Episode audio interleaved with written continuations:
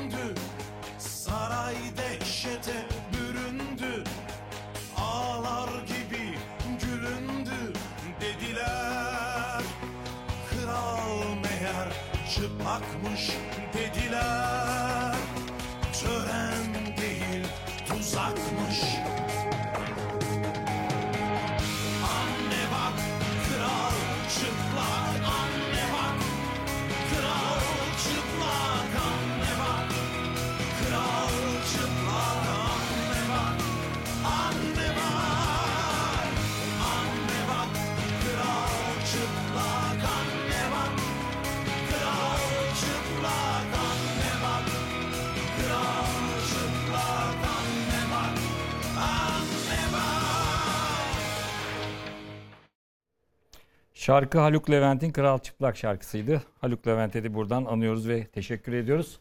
Bülent Arıç, e, Cumhurbaşkanı Erdoğan'ın eski yol arkadaşı. Türk Demokrasi Vakfı'nın toplantısına katıldı ve Kral Çıplak dedi. Arınç başka şeyler de söyledi. Bu toplantıya AK Parti'den başka kimse katılmadı ama ana muhalefet lideri Kılıçdaroğlu oradaydı. Arınç'ın bu sözlerine e, bir başka AK Partili Mehmet Metiner'den yanıt geldi. E, neler konuşuldu bir izleyelim e, ve üzerine tartışalım. Tatlı su balığı siyasetçileri var. Majestelerinin gazetecilerine havanın güzelliğinden, suyun berraklığından bahsetmek yeterli değil.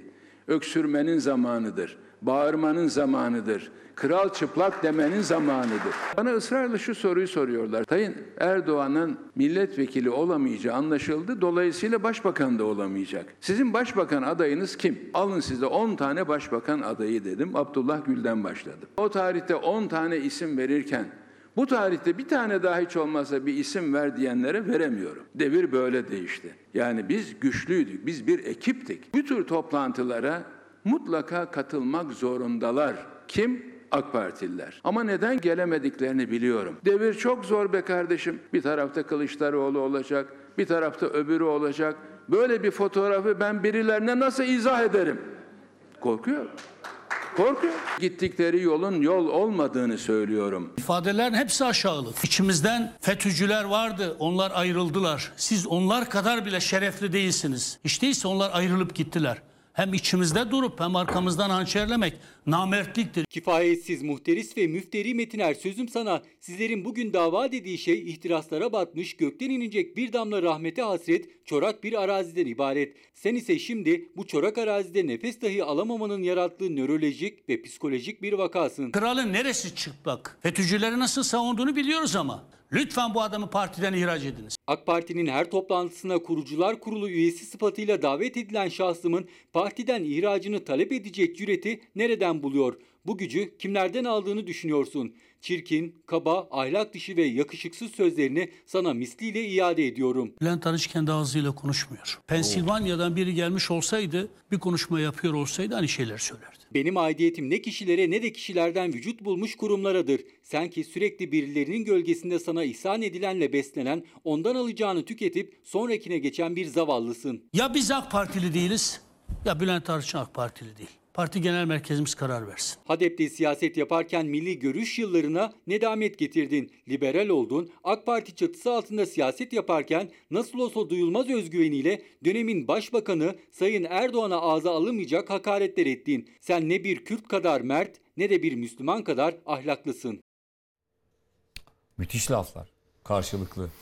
Müthiş müthiş müthiş. Nevşin majestelerini biliyoruz. Majestelerinin gazetecilerini de biliyoruz. Tatlı su siyasetçileri dedi. Yani onu da biraz böyle açalım. Evet. Şimdi burada tabii şey aslında hep biz muhalefeti konuşuyoruz ya işte bu kim altılı masa kim ne diyor falan. Asıl hareketlilik e, iktidar cephesinde aslında. Çünkü ya bir şeyler oluyor, bir şeyler değişiyor. Türkiye'deki atmosfer değişiyor. Sokaktaki atmosfer değişiyor. İşler bir 5 yıl önce olduğu gibi değil. Bir değişimin ayak sesleri var. Peki ne olacak? Şimdi benim gördüğüm kadarıyla bu iktidar cephesinde aşağı yukarı üç eğilim var. Bir tabii bu AK Parti'den kendi şeyleri, prensipleri, ilkeleri nedeniyle çok önceden ayrılmış olanlar var. Bir kısmını hakikaten de e, hakkını teslim etmek lazım. Çünkü şunu söylüyorlar. Diyorlar ki ya kardeşim biz hiç ses etmeseydik başından. Uyaroğlu devam etseydik hep belki makamlarımız olacaktı, şeylerimiz olacaktı. Şimdi biz mücadele ediyoruz kendimizce. Makamı, parayı bıraktık, mücadele ediyoruz. Do- Doğru hakikaten bir kısmı için. Şimdi bir ayrılmış olanlar var. Bir, e, Şimdi içeride olup hala bu içerideki kliklerden bir tanesine üye olup e, işte diğer kliklere laf atanlar var. Bir de böyle bir şey ya e, parçalı parçalı bir yapı ya o içeride bir savaş var. Çünkü şöyle düşünüyorlar bu kliklerden bir kısmı elimine olacak kalan klik devam edecek. Yola İşte devam şey edecek. devam edecek diye düşünüyor. Onların içerisinde bir mücadele var. Bir onu görüyoruz. Bir yandan e, nedamet getirmeye hazırlananlar var. Çünkü atmosferin değiştiğini görüyorlar. Şimdi bu gemide daha fazla kalmak çok riskli. Şimdi bunu yanlış olan günahlar büyük, yapılan yanlışlar büyük. Zararın neresinden dönsem kar ama nasıl döneceğim hesabı yapanlar var. Bir de Cumhurbaşkanı Erdoğan ne olursa olsun sonunda şapkadan bir tavşan çıkarır kardeşim. Nasıl olsa bu dalgayı tersine çevirir. Ben bu gemide kalmaya devam edeceğim. diyor. Umutlular Bence kliği. herkes burada Umut artık- edenler kliği. Kesin burada her burada e, şu anda iktidar cephesinde olan herkes kendi kumarını oynuyor. Herkes de bunun farkında. Bence bütün bu görmüş olduğumuz tartışmalar da bu. Herkes bir yere tutulmuş. Herkes bir şeye inanıyor. Kimisi diyor ki ya bu iş... Tabii şunu da söyleyeyim. Şu anda daha önce ayrılanlar falan başka bir şey. Fakat şu anda hala bu zamana kadar bu iktidar mekanizmasının içinde olup bundan sonra ayrılmak da çok riskli. Öyle. Ben bundan sonra garip davalar falan göreceğimizi düşünüyorum. Ne- neden İş çok- riskli ben merak ettim. İş çok riskli Bence. çünkü bu bir yapı ve buradan bu saatte çıkmanın e, bedelini ödetirler adama diye düşünüyorum ben. Çünkü şey görüyor yani şu anda ha zor duruma düştük. Bak zor durumda bizi arkadan bıçaklayanların da Herkesin birbirine karşı dosyası var. diyecek. Herkes birbirine karşı dosyası Sır var. kardeşliği var. Aynen öyle Omerta var. Yani şey ya asıl bence fıkır fıkır kaynayan Ankara'da şey Çukurambar yani. Çukurambar Çankaya'dan derken çay de yolundan açalım. ziyade Çukurambar Çukurambar'ı yani. aç. Bir E izleyicilerimiz de şimdi Ankaralılar bilirler. Çukurambar, Bu kadar Çukurambar Ankaralı sadece bir semt değil. bir Açalım. semt değil. Çukurambar sembolik ya AK Parti iktidarının sembol semti değil mi? Eskiden Çukurambar Evet. diye bir şey yoktu. Boştu orası. AK Parti'nin iktidara gelmesiyle beraber parsellendi. İmara açıldı. Tarım bölgesiydi orası. Kömür kömür depoları vardı. kömür deposu var. Bir kısmı tarım hayvancılık falan yapılıyordu. Sonra şimdi imara açıldı. Şimdi en lüks işte akıllı evler, makıllı evler, gökdelenler, nargile kafeler. Çağ nargile kebapçılar. kafeler. Ha, bunların hepsi işte AK Parti'nin bir şeysi gibi, Toplanma merkezi yerleri. sembolü gibi ya. Bunun üzerine bir kitap da yazıldı. Bir sosyolog arkadaş güzel bir kitap yazdı Çukurambar üzerine.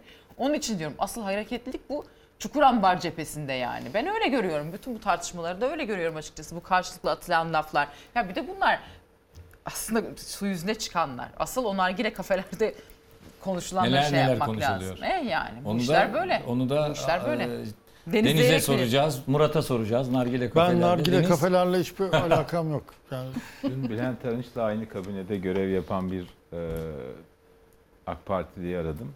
E, aynı de, devirdaşlar yani. Hı hı. E, uzun yıllarda AK Parti'de siyaset yapmışlar. Baktım böyle tavla sesleri geliyor. Yan tarafta da onlarla birlikte yine siyaset yapan isimler. e, konu Bülent Arınç'ın sözleri tabii. Oradan duyuyorsun konuşuyorlar. Bir taraftan zar atıyor, bir taraftan Bülent Arınç dedikodusu yapıyorlar. E, dün Bülent Arınç damgasını vurdu. Yani AK Parti'ye de damgasını vurdu. E, Cumhurbaşkanı'nın e, da tansiyonunu biraz yükseltti benim duyduğum kadarıyla. Duyduğum Yani- kadarıyla derken bilgiler var sende kulis bilgileri. Cumhurbaşkanının bir tepkisi falan boyutu biraz açalım mı? Ya İzleyiciler de ben benim duyduğum kadarıyla çok sinirlenmiş. Ama şöyle bir karar almışlar. Ya muhatap olmayalım. Peki Mehmet Metiner niye Mehmet muhatap oldu? Metiner biliyorsun Yalnız dışında. Mustafa Akış Onu gördüm ama Mustafa Akış Cumhurbaşkanının işte danışmanı. bu, bu yöntemle şey yapalım diye karar almışlar. Şimdi Cumhur- Mustafa Akış'ın söylediği çok sert yani. Cumhurbaşkanı büyük ihtimalle önümüzdeki günlerde e, bir yanıt verecek. Deniz Mehmet Metiner Cumhurbaşkanı'na danışarak mı konuştu? Yok yok. yok. Kend- kendiliğinden mi konuştu? Bence kendiliğinden konuştu ama so- işin sonunda e, onun söylediği olabilir. Yani o derecede Partiden atılması mı Bülent? disipline sevk edilmesi söz konusu olabilir. AK Parti şöyle bir çıkmazın içinde şimdi. Bülent Arınç gibi e, özgül ağırlığı olan birini partiden dışlarlarsa, gönderirlerse çok ciddi de yara alır parti. Yani böyle bir paradoksun içine düştüler. Ama artık o şey Yo, geçmedi yo, mi öyle ya? değil, öyle değil. Çok ya şimdi o söylediği cümle çok önemli. Ee, Ben 10 tane başbakan ismi sıra zaten kendilerini nasıl tanımlıyordu? Abdüllatif Şener, Bülent Arınç, Abdullah Gül, Tayyip Erdoğan eşitler arasında birinci. Birinci. Kendi, birazcık kendi kuruntularıydı sanki o baştan itibaren. Yo öyle tanımladılar uzun süre. Yani biz eşitler arasında birinci Tayyip Abdülatif Erdoğan. Bey de öyle anlattı. Ya bizim bunlar- yaptığımız kendileri kitapta. öyle Hakikaten anlatıyor öyleydi. ama- Evet. Erdoğan'ın ağzından duydunuz mu bunu hiç? Erdoğan her zaman hareketin lideriydi. Öyle değil miydi? Şimdi de- yani Yo yo doğru doğru ben ama, devam ama edebilirim şöyle yani. bir şey var. Şimdi. Bitirsin Ba- hemen geleyim Babacan Murat. gitmiş. Davutoğlu gitmiş. Onların etrafında AK Parti kökenli birçok insan var. Teşkilatlar kaymış. Güneydoğu Anadolu bölgesinde Deva Partisi AK Parti'nin bütün tabanını almış. tabii canım Mehmet Yani bu- Ekmen aldı Bu- götürdü. bunun her şeyi. için şeye falan gerek yok. Anket yapmaya falan yok. Görünüyor. Gittiğiniz zaman görüyorsunuz. Ailelerden görüyorsunuz. Ki sen gittin. ailelerden görüyorsunuz. O büyük feodal ailelerden görüyorsunuz yani. E şimdi Bülent Arınç da o, o kervana katılırsa, Bülent Arınç'ı partiden, kurduğu partiden atarlarsa öyle buna benzemez konuşmaları. Çok ağır konuşur Ee, ve e, etrafında da bir kalabalık toplar. Onun için Ya peki bu zamana kadar bunu yapmamış olması da hani öyle de Ya eleştiriliyor sürekli ya. yapıyor ya. Evet sürekli eleştiriyor falan da. E tamam ama o zaman bir kalabalık toplayacaktıysa bir şey. Ya, Ya ama işte böyle bir şey var. Orada Şimdi bir neyse Çok tamam özür ben dilerim. sıramı Yani bekliyorum. Geçen gün e, bunu yazdım ben dün. Cumhurbaşkanı aday olabilir mi meselesinde. Profesör AK Partili hukukçu, anayasa hukukçusu vesaire aradım. Ne düşünüyorsunuz dedim. Dedi ki ya kardeşim dedi anayasa koyucu bir norm koymuş. O normun e, şeyi karşılığı şu. E, Bir kişi iki kere cumhurbaşkanı seçilebilir. Şu sistemde bu sistemde demiyor. Bir kişi yani Murat Yetkin'i cumhurbaşkanı seçerseniz Murat Yetkin Türkiye Cumhuriyeti'nde ancak iki kere Cumhurbaşkanı olabilir. İster sistem değiştirin, ister başka bir şeye geçin. O anayasada o norm kaldığı sürece şimdi e, bu dedim ki AK Partililer böyle demiyor. Onlar diyor ki sistem değişti vesaire. Aynen şunu söyledi. Bunlar dedi egzantrik e, yorumlar dedi. Egzantrik şey demek yani böyle hani şeyi olmayan. Ekseni kaymış. Bir şeyi olmayan böyle saçma sapan falan gibi bir o anlamda Santrik yani merkezden yani kaymış. işte mantığı olmayan Mantığı olmuyor. falan. Tutarsız. Ha. E şimdi bi- biraz bu, bu şimdi bu bilgiyi bir AK Parti'nin önemli bir isminden duyduğunuzda ne hissedersiniz? Acaba o konularda ne düşünüyor diye. O başka konuları sordum. Aa, bir beryansın etti. İnanamazsınız. Dedim yani bu sizin gibi düşünen çok var mı? Var diyor. Yani parti yönetiminde bile benim Bir görsek onları ya. işte Ya bunlar hakikaten bana boş laflar gibi geliyor. Kusura bakma. Yo, yo, ben- yani bitirdiysem ben, Ben devam bunlar- edebilirim. Bunları savunduğumdan değil ama bunlar konuşuluyor. İşte ne, Nevşin'in söylediği Çukurambar'da, o nargile kafelerde, tavlacılarda, şurada burada Kardeşim bunlar tavla atacaklarına çıksınlar adam gibi konuşsunlar ya. Ya bunlar, bunlar tamamen karınlarından konuşan insanlar. Hepsi gölgesinden korkan Çukur insanlar. ambardan çıktılar mı sus pus. Ne sus mecliste de öyle. Aman ben yazmayayım sen yaz. Ben söylemeyeyim sen. Yok ya. Kalkın söyleyin biriniz de. Yani İşte Bülent Arınç sana söyledi söylemiyorum. ya. Bak ama Bülent Mustafa Akış diyor ki Cumhurbaşkanının danışmanı. Diyor ki Kızılcahamam'daydın birkaç gün önce. Orada niye söylemedin? Madem kral çıplaktı söyleseydin. Türk Demokrasi Vakfı'na eski meclis başkanı olarak, önceki meclis başkanı olarak davetli. Adalet Kalkınma Partisi üyesi olarak değil Bülent Arınç. Bana kalırsa e, Bülent Arınç kendini daha fazla yıpratmamak için Adalet Kalkınma Partisi'nden kendisi ayrılmalı. Çünkü kendisinin kurucusu olduğu, üç temel direğinden biri olduğu Adalet Kalkınma Partisi değil bugünkü Adalet Kalkınma Partisi. 2014'ten e, İşte Cumhurbaş- üçü, de, üçü de gitmiş. Evet. Ama 2014'ten bu yana Erdoğan'ın Cumhurbaşkanı seçilmesinden bu yana artık Erdoğan'ın AK Partisi o. Yani Arınç'ın kabullenemediği, belki e, Abdullah Gül'ün de kabullenemediği bu. Yani artık onların kurduğu AK Parti değil bugünkü AK Parti. Bu ha- hakikaten e, hani eğer bu kadar tecrübeli bir politikacı Bülent Arınç hepimiz tanıyoruz. Kendini daha fazla yıpratmak istemiyorsa artık e, AK Parti'den ayrılmalı, kendisi ayrılmalı. Yani çünkü Nevşin'in az önce ortaya attığı soruya cevap. Yani e, şimdi bazı siyasetçilerin e, yapıcı rolleri vardır siyasette. Yani yapıcı rol şu, toplayıcı rol. Yani çıkar Doğan Şentürk, arkasında bin kişi onunla beraber çıkar. Ee, çıkar Murat Yetkin, arkasında 10 kişi gelmez ama öyle bir sabote eder ki bulunduğu yapıyı oradan iflah olma artık orası iflah olmaz. Şimdi bu iki rol e, ikisi de siyasette yeri var bunların. İkisinin de siyasette yeri var bunların. Şimdi Bülent Arınç'ın en son e, geç, 2020 yılında geçen yıl değil. Devlet Bahçeli ile bir tartışması oldu biliyorsunuz. Değil mi? Ee, işte Osman Kavala, Selahattin Demirtaş davalarında ya bunların tahliye edilmesi lazım. Avrupa İnsan Hakları Mahkemesi, Anayasa Mahkemesi kararları var dedi. Devlet Bahçeli Milliyetçi Hareket Partisi lideri çıktı meclis kürsüsünden ne dedi? Hala Yüksek İstişare Kurulu üyesi bu şahıs dedi. Züldür dedi. Şeyler söyledi. Aynı gün istifa etmek zorunda kaldı mı Bülent Arınç? Evet. Hala Adalet Kalkınma Partisi'nde mi? Evet.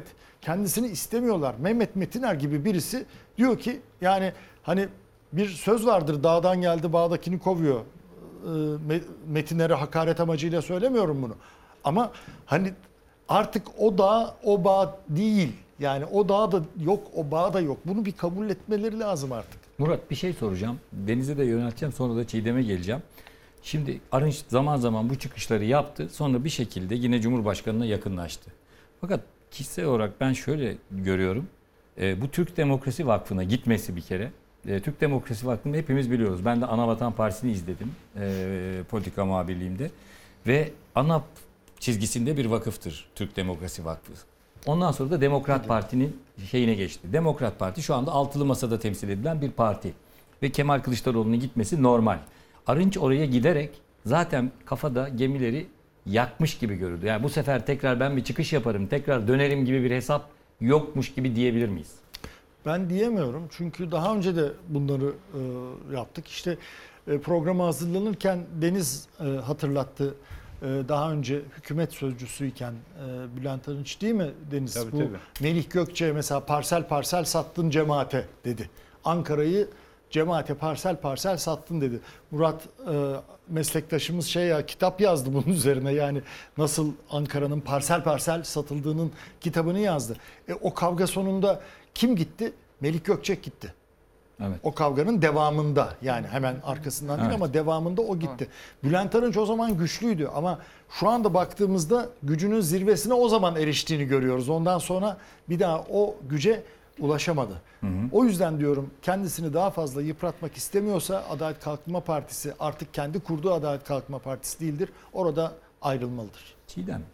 Şimdi bu Arınç'ın bir de şuradan az önce Murat'a sorduğum sorunun bir başka boyutu da şu. Ee, yani e, oradaki benim görüşümü destekleyen e, Kemal Kılıçdaroğlu'yla el sıkıştı sıkışmadı biliyorsun sosyal medyada dün çok konuşuldu. Yani Kemal Kılıçdaroğlu elini sıktı mı sıkmadı mı? Fakat bana gelen bilgiler Arınç'ın yakın çevresinden de bu konuya açıklık getirilirse iyi olur. Çünkü benim elimi sıktı.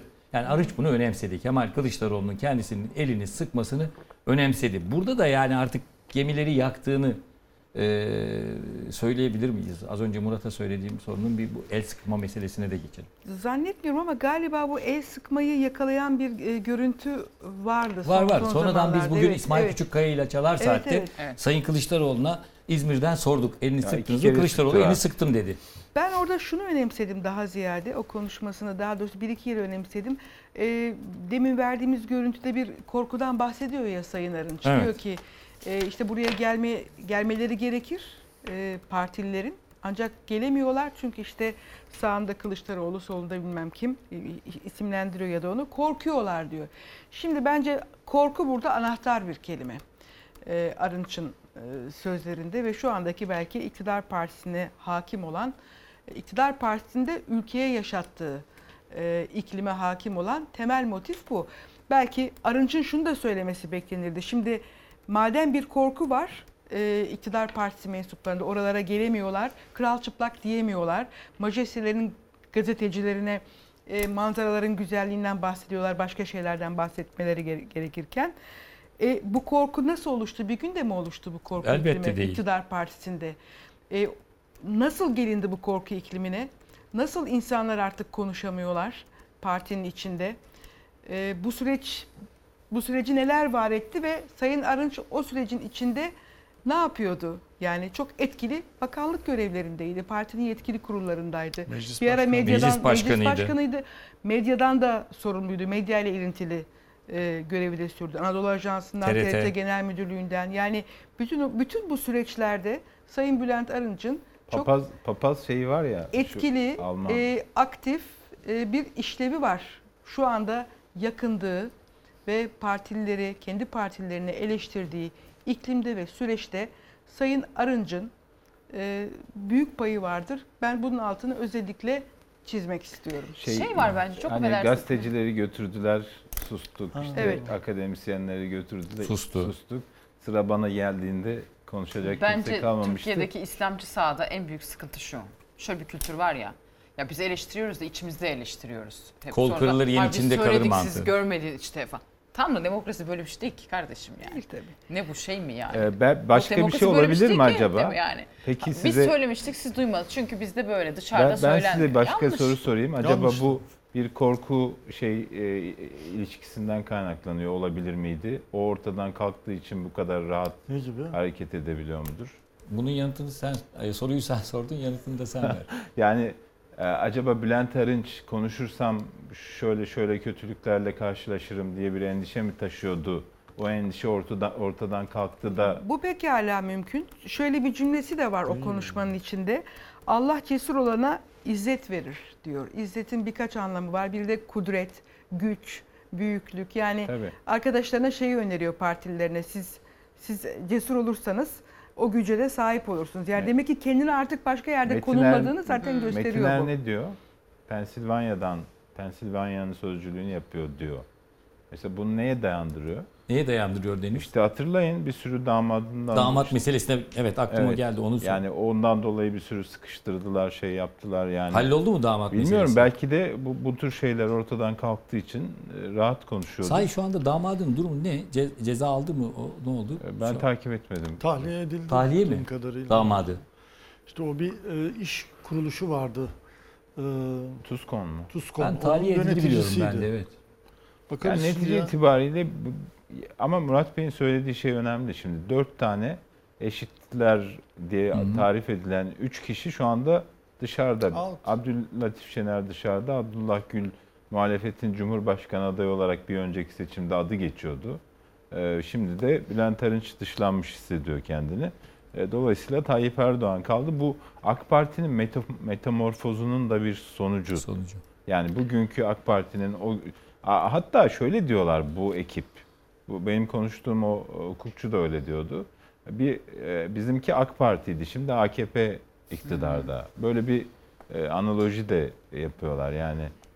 E, ama tabii onların da derdi şu iş işten geçmiş artık hem gücü kaybetmişler hem dışlanmışlar hem kork- korku var yani. Gerçekten Bülent Arınç bence boşuna korku ifadesini kullanmıyor. Bugün Evet. Çiğdem'in dikkat Ekrem çektiği Yeter beraat etmiş bu arada şey yani damadı. damadı. Ben de öyle biliyorum az önce de Ve söylediğim gibi. Belki o da oradan onaylanmış ama kaynaklanıyordur. 2021'de. Ha, yani. Orada rahatladı diyorsun. belki de Evet yani. şimdi Tabii. tabii Yalnız tabii bu şöyle son bir cümle ekleyeyim. Tabii. Bu, bu çıkışın gerçekten halkın şu andaki günlük dertlerine Hah, oraya e, gelecek. hiçbir şeyi yok yani. Tam- Zerre kadar tam bir da- tam doğru. etkisi ve karşılığı olduğunu ben düşünmüyorum. Çiğdem tam Ama siyaset elitlerine çok affedersin ama siyaset elitlerinde yani işte Türk Demokrasi Vakfı merkez sağ çevresi neyse orada bir etkisi olmaz mı yine de? Hani tabii ki pek çok bu düzeyde yapılmış olan tartışma belki sokaktaki vatandaşı şey yapmıyor ama hakikaten ciddi, samimi olarak soruyorum ne düşünüyorsunuz diye Arınç'ın bu çıkışı. Merkez sağ üzerinde mi? Merkez sağ, Moral Parti'ye yakın sağ o çevreler Şöyle orada bir, bir- etkisi bence olur mu? şöyle bir sonuç yani. doğuracak. Bakın bu AK Parti'deki kopuş sürecini hızlandırabilir hızla- hızlandırabilecek bir çıkış. Bülent Arınç bile artık şey yapıyorsa e, gittiğini görüyor. Ha damadının şeyine rağmen işte oğluna Evet, rağmen işte gittiğini oğlunun görüyor. rağmen falan AK. Parti'nin kaybedeceğini görüyor diye düşünen AK Parti'de ya- yaşananlardan memnuniyetsizlik duyanların e, kopuşunu hızlandırabilir diye düşünüyorum ben. Bu evet böyle bir az önce verdiğim örnekteki bir şey olabilir hakikaten Ee, yıkıcı etki. Yani bazı kopmakta tereddüt edenleri kopartabilir. Ama böyle bir heyelana yol açacağını Kaybedecek zannetmiyorum. şeylerinin ne Ama olduğuyla tabii şu var ben Murat'a katılıyorum çünkü Bir e, heyelana yol şu anda açacağını o zannetmiyorum. rant kardeşliğinin içinde o çemberin içinde olmayan bir adam olduğu için o rantçıları çok kolay etkilemez yani. Ee, bir de bir şey daha Ama rahatsızlar zaten rantçıların dışına düşmüş durumdalar şu anda. kısaca söylemek istiyorum. Yani hem metinlerin üslubu hem de kusura bakmasın Arınç'ın üslubu iyi değil. Tabii tabii. Yani siyasetin lisanı giderek Öyle Murat. e, Maalesef. rahatsız edici. Şimdi Az önce dedim. Cumhurbaşkanının işte geçen hafta bu sürtük, çürük Tabii, vardı. tabii, Şimdi tekrarladı çürük lafını. Bambaşka bir Aynen. yere Buraya gidiyor. bir cümle şey de eklemek Yani- lazım mı? Mehmet? Metiner'i de Devlet Bahçeli arayıp tebrik etti. Onu yazdı Twitter'a. Devlet Bahçeli beni aradı ve işte desteklerini söyledi, tebrik etti İyi falan yaptın diye. diye. O çok ilginç şeyi de ekleyelim. Tabii bu tartışma üzerine herhalde tebrik etmiş ama bugün Mehmet Metiner şey, Yeni Şafak'taki köşesinde şey yazdı. Ee, bu hük artık bu devlet, bu hükümet Kürt vatandaşlarını sahiplenmelidir, sahip çıkmalıdır. Yeni bir tür açılım yapmalıdır falan minvalinde bir yazı yazdı. Ee, onun üzerine hani onun üzerine Devlet Bahçeli'ni aramış olması da enteresan. Belki sonra daha açarız Açarız. isterseniz. Şimdi tabii sokağın gerçeği, halkın gerçeği Çiğdem'in de söylediği gibi zamlar. Ee, mazot şu anda en çok gündemde olan bugün ana haberimizde de e, ağırlık ağırlıklı olan bir e, haberdi. Geçtiğimiz yıl bugünlerde akaryakıtta psikolojik eşik ne kadarmış arkadaşlar? 7 lira mı? 7 lira. Bugün 30 lira psikolojik eşik. Aşıldı. Evet şu anda da ekranda e, veriyoruz. E, 30 lirayı geçti bütün ülkede. Bir tek İstanbul'da az önce komik bir rakam. Ya 29 hakikaten ya, e, nedir? lira 99 kuruş. E, motorine sadece bir yılda %315 zam gelmiş. Çiğdem. 3 katından fazla. 3 katından fazla ve geçen yıl 100 lira verenlerin deposuna 14 lira motorin giriyordu. 100 lira veren bu yıl e, vatandaşın deposuna 3 litre motorin giriyor. Vallahi işte son iki haftada 6 lira. Ee, 15 gün içinde Evet. 6 liraya değil mi? Evet. 6 lira civarında bir zam geliyor. Yani bu şeyden işte çocuklara e, çocukların temel ihtiyacı olan bebeklerin sütten sebze meyveye kadar e, gıdaya kadar nakliyata kadar birçok şeyi e, tekrar yeniden tırmandıracak fiyatlarını. Çocukların süte erişimini mesela ben buna biraz kafa yordum. E, daha da zorlaştıracak. İnsanlar zaten e, şeyden vazgeçmişler büyük ölçüde yani son istatistikler onu gösteriyor. Yani orta sınıf dediğimiz şey eriyor ya yiyecek ve gıda e, alımlarından, alışverişlerinden büyük ölçüde feragat ediyorlar artık. Bu istatistiklere de yansıyor. Yani e, toplu ulaşım etkilenecek bundan. Her şey Bele- için. belediyeler için. Yani yüz binlerce litre, tonlarca, binlerce ton şey yapıyorlar her gün. E, yakıt kullanıyorlar. E, bu, bu hem onların bilançolarına yansıyacak hem toplu ulaşım sürdürülemez bir hale geliyor. Hem dolmuş hem e, fiyatlar açısından, toplu ulaşım fiyatları açısından. Yani biz bunu neredeyse her hafta burada konuşuyoruz. Her günde haber bültenlerinde var. Şunu biliyoruz. Bir, Türk lirasının değer kaybı birinci sebep. Dolar karşısındaki, döviz karşısındaki. İkinci de vergi sistemindeki adaletsizlik. Bu ikisinde de bir değişiklik var mı? Yok. Yani tutamıyorsunuz şeyi, doları. Nebati, Brent tipi petrolün, Maliye Bakanı Nebati, Brent tipi petrolün fiyatı yüzde 50 civarında dünyada arttı. O yüzden zam yapıyoruz diyor ama mazottaki zam şu an Türkiye'de yüzde 300'leri geçti. Yüz, tabii tabii. Yani Nasıl açıklayacaksın? dolay, dolaylı 315 şu vergilerin dolaylı vergilerin payı Türkiye'de çok çok şey çok, çok yüksek. güzel Şey yani çok bir vergi muafiyeti e, getirilmedikçe ki o da bir nebze şey yapacaktır. iyileşme sağlayacaktır. Çok zor. Çok zor. Ya Bu arada 200 milyon litre sadece İstanbul Büyükşehir Belediyesi'nin kullandığı ya- akaryakıt miktarıymış. Düşünün 1 lira zam yaptığınızda 200 milyon lira maliyet artışı oluyor. Evet. Tabii büyükşehir belediyelerinin ulaşım şeyi yani artık felç olabilir. katladı yani. Murat. Tabii. Felç Ben- olabilir. Yani Alper Bilgili İETT Genel Müdürü'nün bir tweet'i var. Onu ben e, yani screenshot alıp saklıyorum.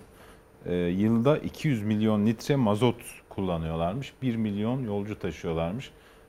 Bu son zamanlarda hep lira artıyor. Yani eskiden kuruş kuruş artardı. Şimdi 1 lira 30 kuruş. Doğru. 1 lira doğru 40 doğru. kuruş. Lira lira artıyor. Yani düşünün bir, bir buçuk lira arttığında e, 300 milyon lira İETT'nin e, maliyeti artıyor.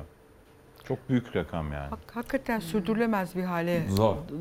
doğru gidiyor Zor. yani. Bir de asıl tarımda göreceğiz bunun etkilerini. Ee, ya şu anda bir traktörün deposu 3300 e, TL'ye doluyor.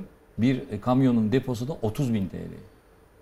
Yani Ankara'dan bugün bizim ana haberde vardı Murat. Ankara'dan kamyoncu malı yüklemiş. Çıktığımda diyor depoyu 27.40'tan doldurdum. İstanbul'a vardığımda diyor 30.14'tü. Daha malı boşaltmadım dedi. Ürünün fiyatı kamyon Ya, kasasında Maliyeti arttı. arttı değil mi? Evet. Yoldayken maliyeti. Ya böyle bir şey yok yani sen işte hatırlıyor musun ya? Yok böyle bir şey yani Türkiye Cumhuriyeti tarihinde böyle bir şey yok.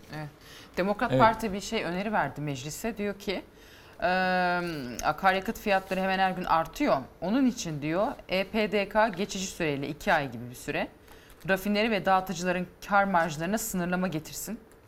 E, karlarından fedakarlık yapsınlar. Hani böyle bir önlem alınsın, piyasa rahatlatılsın diye bir öneri vermiş ama genellikle muhalefetin verdiği bütün Bir öneriler de eski BOTAŞ Genel Müdürü e, şey Ali önerdi. E, yok Gökhan Yardın dedi ki e, mali şeyi piyasa koşullarına göre değil maliyete göre belirleyin e, akaryakıt fiyatını. Yani öyle bir sıkıntı var. Şimdi e, bunu daha önce de şey yaptım ben. 2011 ile 2013 arasında petrol fiyatları aynı seviyede. 110-120 dolar civarında Brent petrol. E, dolar bir buçuktan 2.75'e falan çıkmış. Yani %70 civarında bir artış var dolarda, kurda. Buna rağmen Türkiye'de e, petrol fiyatı, şey akaryakıt fiyatı neredeyse değişmemiş. Nasıl oluyor? Yani yine petrolün varil fiyatı 120 dolarlar civarında. Açın bakın 2011'den 2013'e kadar. E, dolar artmış, kur artmış. Deniz bir Ama de- benzin fiyatı, motorun fiyatı değişmemiş. Bir de? Sen neye bağlıyorsun bunu? Özür dilerim. İşte bu şu- şimdi piyasa belirlediği için şeyi e, bu, bu aynı yani şu kağıdın e, işte bundan 10 sene önce 5 lirayken maliyeti değişmediği halde bu, bugün işte 20 lira fiyat uygunluğu pazara göre belirlemek. Maliyetine göre değil de işte Evet. talebi fazladır, arzı yetersizdir. Ben işte buna göre şu fiyatı uygun gördüm gibi bir şeyle belirleniyor artık. Yani sadece kurla e, açıklanacak bir şey değil. Evet. E, Dolayısıyla da bunları gözden geçirmeleri lazım Ge- ve geçici de olsa en azından bir süre e, bu fiyat hesaplama yöntemlerini değiştirmeleri lazım. Bir başka şey daha yapılması lazım. Uluslararası alanda petrolün Brent tipi e, varil fiyatı artıyor eyvallah ama tedbir alıyor ülkeler. Bak New York'ta e, Amerika'da New York eyaletinde e, alınan vergi geçici bir süreyle kalktı sıfırladı. Almanya indirim yaptı. Biz de şu anda bakıyoruz e, Geçen sene psikolojik sınırı bugün vergi İstanbul'da fiyatı. İstanbul'da öyle. 29 lira 99 e, kuruş olan 1 litre mazotun 6 lira 62 lira kuruşu KDV ve ÖTV'ye gidiyor Çiğdem. Evet. Yani niye kaldırmıyorlar bunu? Ya da niye azaltmıyorlar? Ya çünkü dolaylı vergi almak çok kolay bir şey. İşlerine Eyvallah, geliyor. tamam en adaletsiz vatandaş de vergi. Yani Fiyata yansıyor. fiyata yansıyor. Şimdi bu tabii Yani şöyle söyleyeyim yüzde Özür dilerim. 65 özür dilerim. Yani dolaylı vergilerin bütün toplam vergi gelirleri içindeki payı Türkiye'de yüzde 65 korkunç bir oran bu. Çok korkunç bir oran. Kesinlikle. Çok. Yani bu toplumda karşılığını buluyor Doğan. Yani e, şimdi Merkez Bankası'nın beklenti anketi yapılıyor sürekli biliyorsunuz. Son beklenti anketinde bu, bu piyasa yapıcılara soruluyor değil mi Çiğdem? Evet, evet. Piyasa yapıcılar ne bekliyorsun ne bekliyorsun bunun ortalamasını alıyor. Bunun hesaplamasını da Merkez Bankası yapıyor. Doğru mu? Şimdi e, en son yapılan ankette yıl sonu enflasyon beklentisi sorulmuş. %64,5 denmiş. Piyasa yapıcılar %64,5'a ulaşacağını düşünüyorlar. Peki bir önceki ankette ne çıkmış? %57,9. Yani daha bir anketlik sürede ayda bir aylığını yapılıyor. Bir anketlik sürede toplumun beklentisi işte bu fiyat artışları falan bunların etkisiyle toplumun beklentisi daha da kötüleşmiş. Piyasa aktörleri hatta toplum da değil daha kötü yani. Pi- piyasa, yapıcılar. Tabii tabii çok haklısın. şey- Çok haklısın. Peki dolar beklentisi ne olmuş? Yine Merkez Bankası anketinde 18.8 olur yıl sonunda demişler. Peki geçen ankette ne demişler? 17.7 demişler. Yani bir anketlik sürede e, bir e, dolar yani doların fiyatında 1 liralık daha artış olmuş. Artış. Peki siz de biz de herkes de biliyor piyasada az çok bağlantısı olan herkes de biliyor. Şu anda hesaplar yıl sonu hesapları ne bileyim işte maliyet hesapları falan 24 dolar üzeri 24 lira üzerinden yapılıyor. 1 dolar 24 lira İthalatçılar, ihracatçılar yapılıyor. kuru çoktan belirlemişler dediğin gibi. Aynen, Murat, aynen. Ve şunu da söyleyeyim. Yine bu ankette e, sonunda anlıyoruz ki Erdoğan piyasaları bir tek konuda ikna etmiş. Bir bir konu. Artık pes etmişler. E, Merkez Bankası faizi değişmeyecek diyorlar. %14'te kalacak diyorlar. Bunun çünkü şöyle bir şey de var. Merkez Bankası ne derse desin artık piyasa başka bir faiz uyguluyor. İşte verdik rakamları. Yani bu ha şunu da demek mümkün işte yüzde yetmiş üç buçuğa çıktı nasıl olsa resmi TÜİK faizi. E, bak yüzde 64 düşürdük faizi filan da denebilir. O yüzden aslında arkadaşlar enflasyon yüzdeleriyle konuşmak aslında yanıltıcı olmaya başladı. Hayat pahalılığı başka bir şey. Çünkü fiyat artışı devam ediyor. Fiyat artışındaki artış azaldıkça, artışın hızı azaldıkça enflasyon hesabı düşmüş oluyor. Evet. Yanıltıcı bir hesap. Şimdi reklama gidiyoruz arkadaşlar. Reklamdan sonra her zaman Çabuk gibi geldi. kesintisiz evet, e, müthişti, dinamikti. E, reklamdan sonra e, kesintisiz gideceğiz. Ne konuşacağız? Sağlıktaki sorunları konuşacağız. Müthiş kanser hastaları çok tepkili. Özel hastanelerle SGK arasında, özel hastanelerle Sağlık Bakanlığı arasında müthiş bir mücadele var ve buradan zararlı çıkan da kanser hastaları ve kalp hastaları. O, bunu Acı. açacağız. Adaylık meselesini konuşacağız. Cumhurbaşkanıyla e, Kılıçdaroğlu'nun, Erdoğan'la Kılıçdaroğlu'nun adaylık meselesi konusundaki düellosuna gireceğiz ve onu oradaki kodları çözeceğiz. Reklamlardan sonra uzunca bir süre sizinle birlikteyiz. Evet kesintisiz bir şekilde devam ediyoruz. Etiketimiz Kral Çıplak'tı. Bir vatandaşımız Kral Çıplak, vatandaş çırılçıplak, gelir endeksli senet, bizim dilimizde senet endeksli yandaş. Kral Çıplak demiş. Ee, gelelim asgari ücrete, asgari ücretliye. Ücretlerin Temmuz zammına sadece iki hafta kaldı. Ee, memur ve emeklilere enflasyon oranı kadar zam yapılacak. Ee, fakat bu maalesef sokakta hissedilen enflasyon oranında yapılmayacak. İşte 35-40 civarı değil mi? Çiğdem Evet, TÜİK'e evet, göre evet. tahmin ediliyor. Ee, Mayıs ayında da hız kesti diyor bu arada TÜİK. Yani asgari ücret ne gelecek artık hani tahmin etmek zor değil. Bu arada Türk İş Başkanı Cumhurbaşkanı'nı ziyaret etti. Ee, ve e, o banda bir bakalım. Ee, pek rakam söylemedi Türk İş Başkanı çıkışta ama e, tahminlerimiz var. Buradan da çalışanları ekran başına davet ediyoruz. Asgari ücret, e, zam bekleyenleri, e, memurları. Çünkü e, denizde kulisler var. Hatta rakam vereceğiz. O kulis rakamları ne? Cumhurbaşkanı hangi rakamı telaffuz etti? Asgari ücrete ne kadar zam yapılacak ve asgari ücret ne kadar olacak? Bunların hepsini banttan sonra konuşacağız. Bir rakam yok ortada ama şu asgari ücretin Ocak ayındaki alım gücünden şu andaki alım gücünü A'dan Z'ye konuşmaya imkanım yok. Benim aklımdaki rakam çok güzel. Her şeyi söylerim. 10 bin derim böyle değil. Asgari ücretin alım gücünün düştüğünü dar ve sabit gelirli alım gücünün düştüğünü, emeklinin durumunun ortada olduğunu, kamuoyunun bildiklerini, sizin bildiklerinizi A'dan Z'ye anlatma imkanı bulduk. Bugüne kadar biz Aralık ayın dışında asgari ücret toplamadık ama şartlar öyle getirdi ki yani bırakın Aralık ayını işte Haziran'ı bilen bulduğu zaman biz alım gücünü insanlar kaybetti. Cumhurbaşkanı dedi ben her şeyin farkındayım. Çalışma Bakanı bilgi sahibi yapıyor diye ifade etti. Sayın Cumhurbaşkanımız Çalışma Bakanı'yla bu işin taraflarından bir toplantı yapılacağını, bununla ilgili önümüzdeki günlerde bize yani bir haber vereceğini ifade etti. Önümüzde Temmuz dönemi var. Sadece kamu emeklileriyle, kamu çalışanlarıyla değil, bağ kurullarla, çeşitli konumlarda bulunan emeklilerle dahil hepsini kapsayan sadece enflasyon farkını değil, onların sosyal konumlarını destekleyecek bir çalışmayı sürdürüyoruz. Asgari ücretli bir ara zam olacak mı Ayrıca, efendim? ayrıca bir açıklama yapmayacağım. Evet, gözler Vedat Bilgin'de Çalışma Bakanı'nda. Tabii Vedat Bilgin'de derken Cumhurbaşkanı ne derse Vedat Bilgin onu uygulayacak. 1 Mayıs müjdesi vermişti Deniz. Ama boş çıktı. İnşallah şimdi de öyle olmaz. Sende bilgiler var. Valla bütçe fazla vermiş. Dolayısıyla şey olabilir. olabilir bu sefer yani. Övünüyoruz ya bütçe fazla verdi falan Evet. diye. Demek ki para var yani bütçede. Ee, benim anladığım Cumhurbaşkanı şimdi bir toplantı yapacak ya biraz önce e, Türk İş Başkanı'nın açıklamasında var. O toplantı öncesinde hazırlık yapılması talimatı verilmiş. Hazırlık yapan bürokratlar da eğer zam yapılacaksa asgari ücrete işte e, biraz devletin fedakarlığı, biraz patronların fedakarlığıyla 5004 lira civarında bir rakam hesaplamışlar. 5004. Evet. Yeni asgari ücret. Evet o civarda bir şey ama Bu önemli arkadaşlar. Verelim. Be- e, Deniz Zeyrek'in bu söylediği kulis bilgisi Ama 5004. 5900 rakamını da işçiler telaffuz ediyor, işçi kesiminin te- temsilcileri. Yani böyle bir pazarlığa dönüşürse Cumhurbaşkanı hani hak veriyorum işte geçim zorlaştı vesaire gibi bir tavır ortaya koyduğu için hani biraz daha şey yapalım 5500 civarında bir şey olsun da denilebilirmiş. Öyle bir bugün öyle bir Deniz şöyle basit anlatalım mı? Ee, e, Türk İş Başkanı 5900 dedi Cumhurbaşkanıyla kapalı kapılar ardında.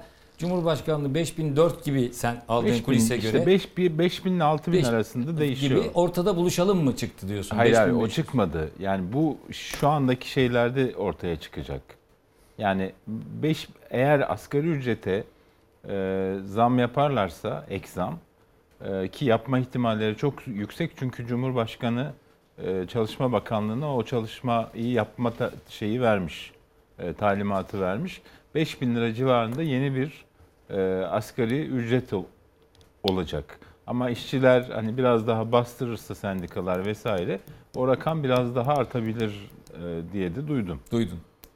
Şimdi tabii bu Türk İş Bu- bunu kabul edecek mi? 20 bin şey, liraya %20'nin biraz altına geliyor değil mi Doğan? %20 demiş işte Evet, Cumhurbaşkanı. Yani %20 civarında bir Enflasyon oranında biliyoruz ne olduğunu. Murat Evet. yoksulluk sınırı Türk İş rakamlarını söylüyorum. Yani Cumhurbaşkanı Türk İş Başkanı ziyaret etti ya. 20 bin liraya dayandı. Şu anda yoksulluk rakamları açlık sınırı da asgari ücretin 1764 lira üzerinde. Yani açlık sınırı 1764 üzerinde. Çiğdem bu formüller var sende. Hangi formüller konuşuluyor? Vallahi işte 3 formül olduğu masada e, şey yapılıyor. 3 Bir- formül var. Evet yani bir 6 aylık enflasyonun yansıtılması, bir işte Haziran ayı farkı yansıtılması. Bir de bu senin işte 5004 olarak dediğin e, rakama da bu prim kesintileri üzerinden yapılacak feragatla sanıyorum Evet, evet ulaşılacak. devlet, devlet Ha, prim kesintilerinden. Bir devletin prim kesintisi var bir de işveren açısından bir prim maliyeti var. Ee, onları not almıştım. Bir 750 lira civarında bir prim kesintisi var. 875 lira civarında da bir prim maliyeti var işveren açısından. Evet. Yani bunların e, ikisi de uygulanmadığı zaman gel, ulaşılan rakam 5004 ama herhalde böyle bir orta yol bulunması, e, biraz enflasyon farkının yansıtılması, biraz da primlerle ilgili bir e, Yani ben şunu şey bekliyorum. olursa. e, bu e, memur zammı, Temmuz zammı %40 civarında olacaktı. TÜİK'in bu son dakika op- operasyonuyla 35-36'ya düşebilir. E, Dolayısıyla asgari ücret zammını da ek zammını da biraz %30'a falan %25'e Ne kadar acı bir şey azından. söylüyoruz aslında şu anda değil Aynen. mi? Yani insanların ekmeğinden Tabii. aslında çalınması anlamına Tabii, gelen tabii. bir şey söylüyoruz. Tabii tabii. Değil mi? Son dakika operasyonu Yani %40 dediğin. bekleniyordu Temmuz Evet. zammı. Şimdi TÜİK o rakamı düşük açıklayınca işte %35-36 civarında Bir zamdan Ve bahsediyorlar. bunu da bir lütuf olarak şey yapıyorum. Veriyorlar tabii. Lütuf ilgili bu olarak kadar yani. kavga gürültünün sebebi aslında bu kadar yalın yani. İşte ne Tabii. kadar kaç puan aşağı çekilirse e, asgari ücretliye, memura, emekliye verilecek zam o kadar Ya işte aşağıda olacak. mem, e, şey istiyorlar ya emekliler ikramiye zam mı, ikramiye zam yapılsın. 25 milyar lira civarında bir Bayram ikma, ikramiyesinin yük artması getiriyor değil mi? Evet. devlete. Yani bu çok geliyor bunu yapamayız diyorlar. Ondan sonra Sayın Bakan e, Nebati diyor ki e, ya bu kur korumalı e, şey hesapların bize maliyeti Büyütüldüğü gibi değil diyor değil mi? 23 milyar. Yani bak orada 25 milyarı emekliye ikramiye verme konusunda devlete 23 yük mü diyor 21 mi diyor? 21.1 galiba. 21.1 o civarda milyar lira. rakam. 21.1 Tam şeyini milyar. hatırlamıyorum. 3 aylık 3 aylık yükü. Nebati Tamam bugün işte açıkladı. yani şöyle düşünün.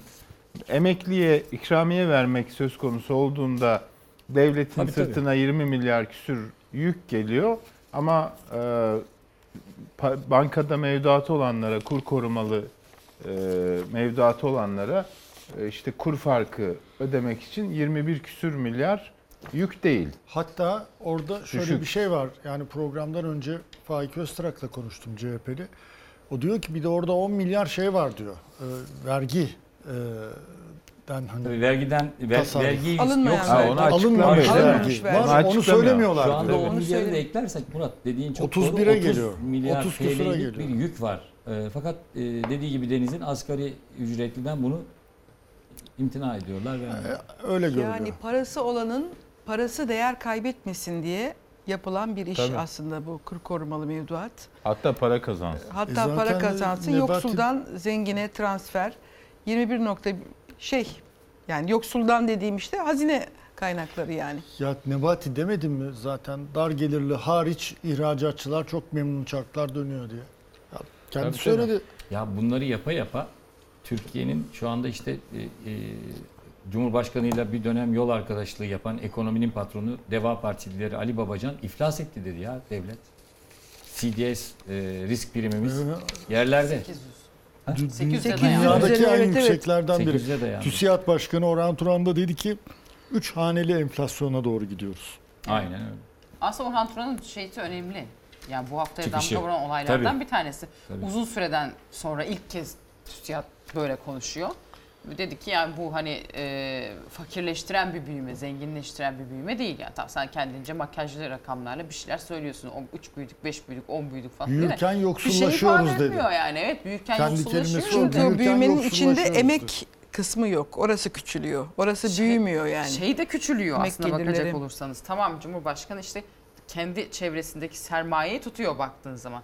Ama katma değerli bir şeyler üretmeye çalışan aslında herkes bundan da- darbe almış oluyor. Yani o şeyde değilsen, Çemberde. o, o çemberde değilsen kaybediyorsun. Kim olursan ol şimdi. Kobi de olsan, büyük de olsan kaybediyorsun. İşin acayip tarafı bu. Cumhurbaşkanı da epey sinirlendi zaten. Bir daha gelip kapımı çalmasınlar dedi. Bu da garip değil mi ya? Bir daha gelip kapımı çalmasınlar diye. Yani diyelim ki sen sendikasın. Bir şey söylüyorsun. Küsüyor Cumhurbaşkanı. İşverensin Ama bir şey söyle Cumhurbaşkanı küsüyor diyor ki ben zaten Böyle şey tarafsız mu? Cumhurbaşkanı değilim diyor ben diyor. Partili Cumhurbaşkanıyım diyor. Tamam partili de İyi de yani partili de Cumhurbaşkanının olsa yani. görevi e, bir Ha, insanların... ben normal gördüğüm için söylemiyorum. Tabii tabii Yanlış hayır. anlamayın. Cumhurbaşkanının görevi insanların sıkıntısını çözmek değil mi? Yani değil mi?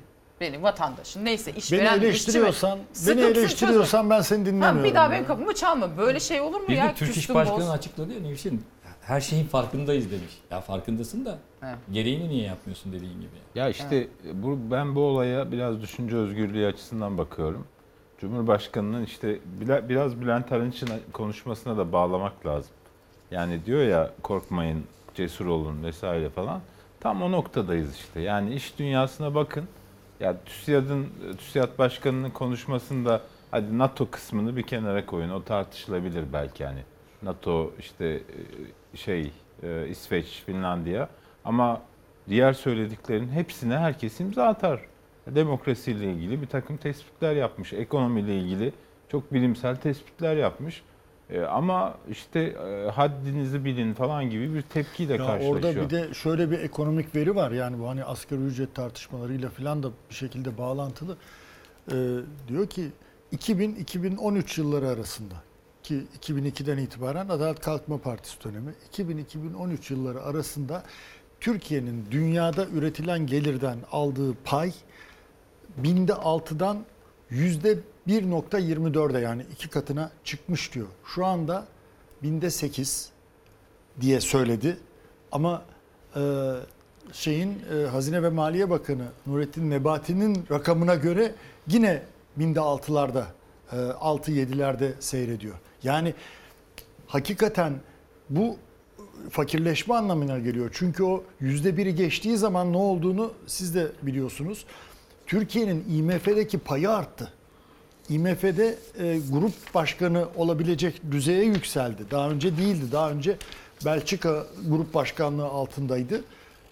Oradaki şimdi tekrardan düşüyor.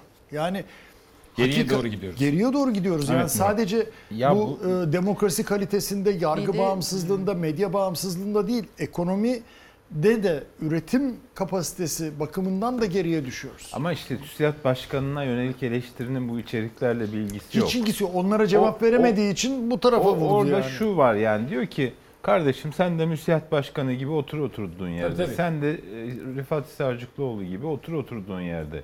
Yani ne uğraşıyorsun sanayicinin derdiyle? Para ne kazanmana bak uğraşıyorsun diyor yani. Esnafın derdiyle. Gel bana ben senin sorununu Ben senin çözerim. işini çözeyim diyor. Evet, Sen de pa- aynen. paranı Paranı kazanırsın. kazanırsın. Aynen bu. Dediği Ama bir yandan da işte susun para kazanmanıza bakın. Evet. Öyle tabii canım şeyi açıkladılar sonra biliyorsunuz. İlk 500 kar etmiş, ilk 500 para kazanmış büyük şirketlerin. ilk 500 şirket. E, sizin derdiniz ne kardeşim işte kazanıyorsunuz. E, Nebati'nin söylediği de dar gelirli dışında herkes kazanıyor. O zaman susun oturun oturduğunuz Tam yerde. da Boş aslında bu şeyi de gösteriyor. diyor, değil mi? De- Yani at- Tabii. para kazanmasına rağmen bu çıkışın geriye olması da demek ki e, geleceği belirsiz görüyor. Yani kar ediyor ama ona rağmen geleceği bu böyle git bu böyle gitmez şeysi. Zaten e, çıkışı. Patronlar Kulübü hem MÜSİAD az önce Deniz'in söylediği kendisine en yakın Patronlar Kulübü MÜSİAD ve TÜSİAD asgari ücrete zam yapmamız lazım dedi. Yani artık patronlar bile bıraktı kazancını. Nevşin ya bile burada bir istiyor. sosyal patlama söz Değil mi konusu. yani. Nevşin? Efendim? Ben başından beri aynı şeyi söylüyorum. Bu bir bu sarmal. Bu sen şey yapmadığın sürece istediğin kadar asgari ücrete yap, yap. Her ay zam yap. Ne fark eder? Evet Çiğdem'e Yani. Çiğdem'e gelelim. Anlatamadım Ya, ben bunu Çiğdem- derdimi. Ee, Onu da Patron olmak zor. Patron olmak zor.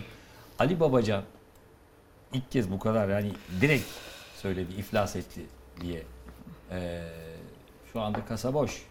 İflas riskinden bahsetti. Demin bahsettiğimiz CDS primi zaten bu. Buna işaret eden bir şey. Kredi temerrüt takası diye daha önce de değinmiştik. Yani e, sizin uluslararası piyasalardaki e, borcunuzla ilgili bir durumu şey yapan evrensel bir standart yani küresel ekonominin şeyi. E, yani işte 5 yıllık CDS primi 800 puan üzerine çıkıyor. E, bu tabii kendisi senelerce ekonominin dümeninde olduğu için, ekonomiyi yöneten bir isim olduğu için Ali Babacan ve uluslararası kuruluşlarla da ilişkileri olduğu için neyin ne anlama geldiğini Biliyor. görüyor ve biliyor. Yani şey uyarısı bile yaptı. Temel ihtiyaç maddelerinin paranız olsa dahi bulunamayacağı bir e, duruma gelebiliriz. E, uyarıyorum. Evet. Ya bu arada şunu Dedi. kavrayamadım. Cumhurbaşkanı hafta içinde bak o da önemli konulardan bir tanesiydi. Şimdi dünyada enflasyon artıyor. Bizdeki gibi değil ama e, enflasyon şeyi var ve FED Amerikan Merkez Bankası e, faizi 75 baz mı arttırdı değil mi? Benim bildiğim Evet. kadarıyla 75 baz puan baz arttırdı. puan arttırdı. Ya Cumhurbaşkanı kalktı dedi ki bakın dedi FED dedi faizi arttırdı dedi. Yani bu da enflasyonu olduğunu gösteriyor. Tamam Daha da önce aynı Cumhurbaşkanı e, aynı Cumhurbaşkanı evet. faiz arttırabileceklerini zannetmiyorum anlamına gelen, mealen bu anlama gelen Evet, bir yani beyanda da bulunmuştu. Hayır daha daha da önce artık biz dolarla tamamen bağımızı kestik. Onlar ne yaparsa yapsın biz Evet. iyiye gidiyoruz diye. Ya nasıl Söylem bir buydu çelişkidir? yani. Hani bu neye man çelişkiliyor diye. Ya o öyle bir de ben yani tam geçmeden konu bir şeye değinebilir Değil. miyim? Demin e, Deniz söyledi ya bunun meselenin ifade özgürlüğüyle de ilgili bir kısmı var diye Bülent Arınç'ın konuşmasına atfen.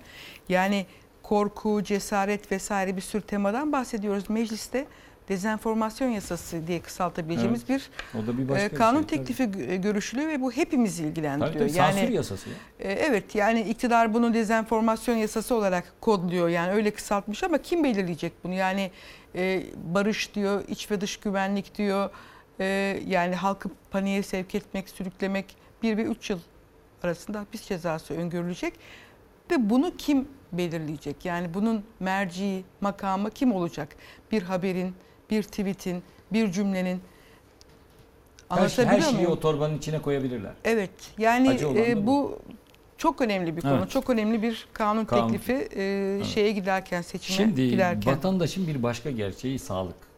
Yani haftaya damga vuran en önemli şey Ankara'da bir ambulans şoförü Sağlık Bakanlığı'nın önüne çekti, kapıları kilitledi, sireni çalmaya başladı. Benim sorunumu ancak Sağlık Bakanı çözer dedi.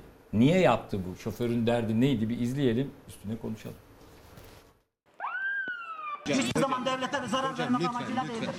Hocam. Bu eylemim tamamen hasta haklarını savunmak adına. Bir şey söyleyeceğim. Bizim başkan sizin sorununuzu çözer. Bak Benim ben başkan benim sorunumu çözemez. Ancak Çözer. Sağlık Bakanım çözer. Hasta götürdüm onkoloji hastanesinde. Hastayı teslim edemedim. Dediler ki şu servise git çık.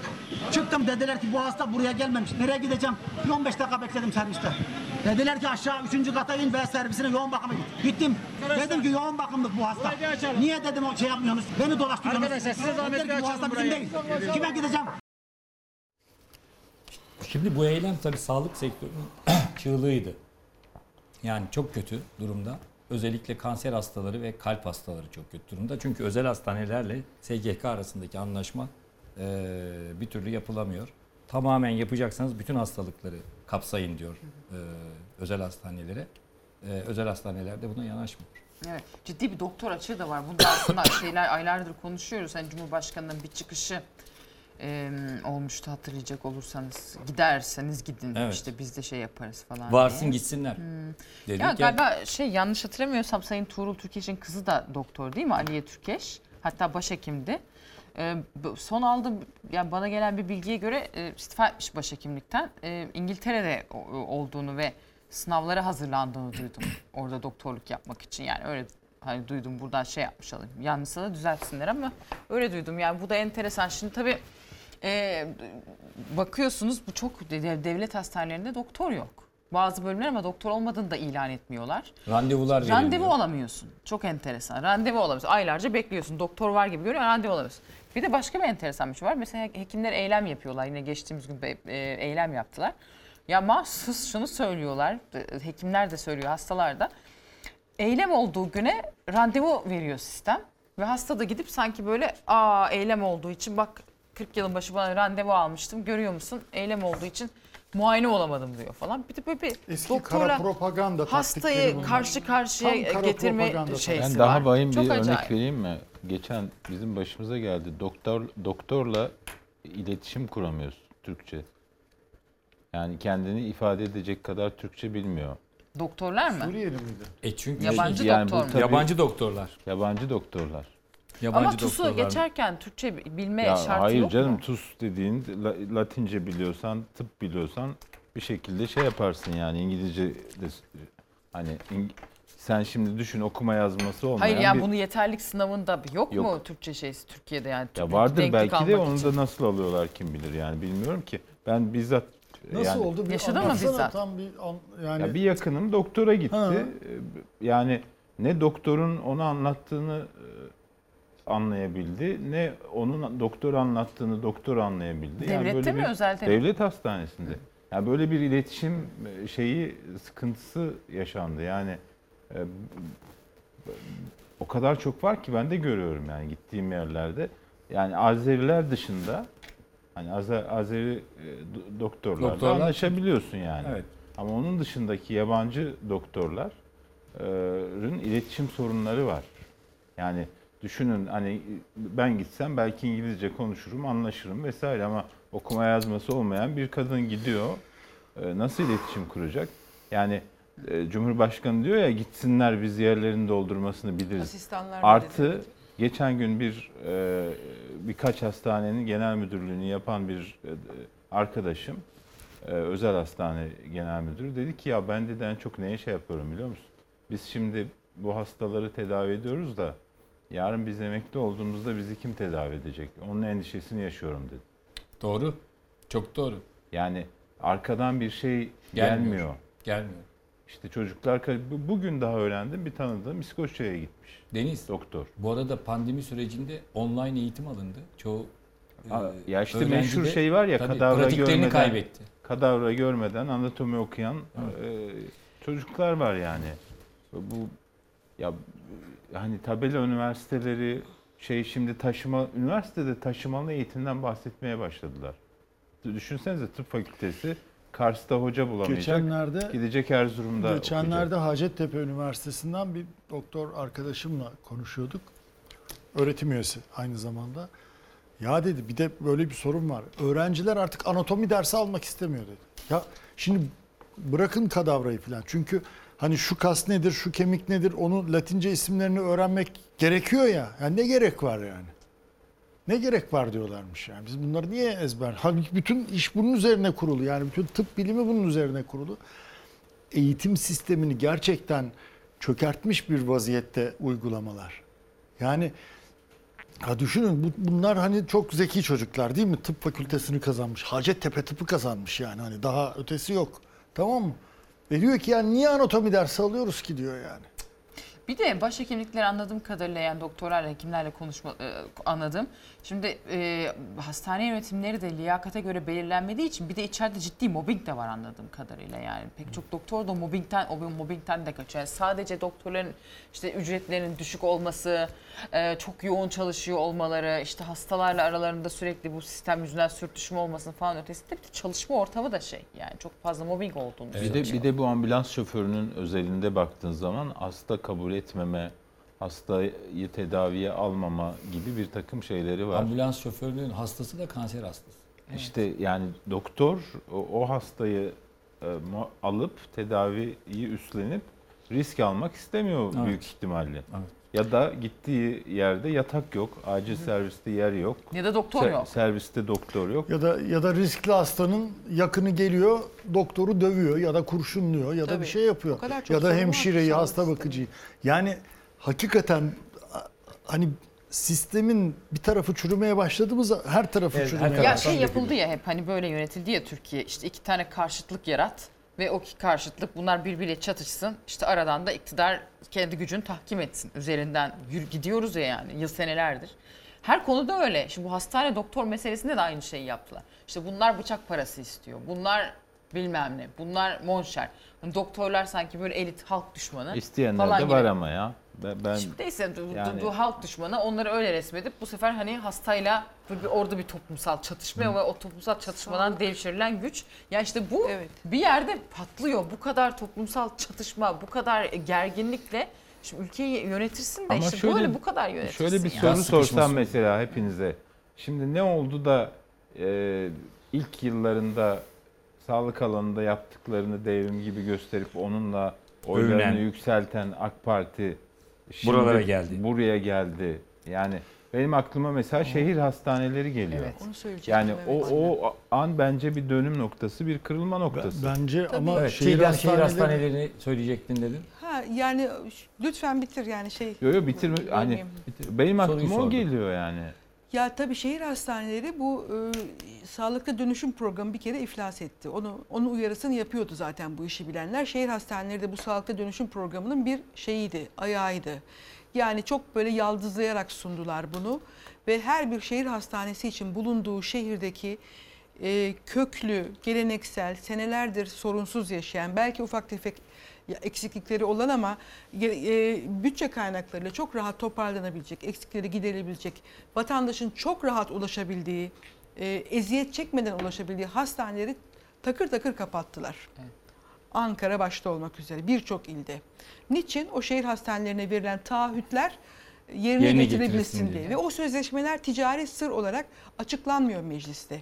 Yani bu bütçede sağlığa ayrılan ödeneği şöyle her sene şöyle şöyle şöyle şöyle daraltıyor, küçültüyor.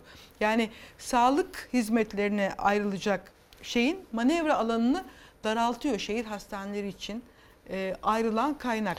Bir kullanım bedeli, bir hizmet bedeli ikiye ayrılıyor. Kullanım bedeli dedikleri de kira. Yani Sağlık Bakanlığı şehir hastaneleri için müteahhitlere bir hazine arazisini tahsis ediyor. Üzerinde 25 yıllık irtifak hakkı kuruluyor. Yani al bunu kullan diyor.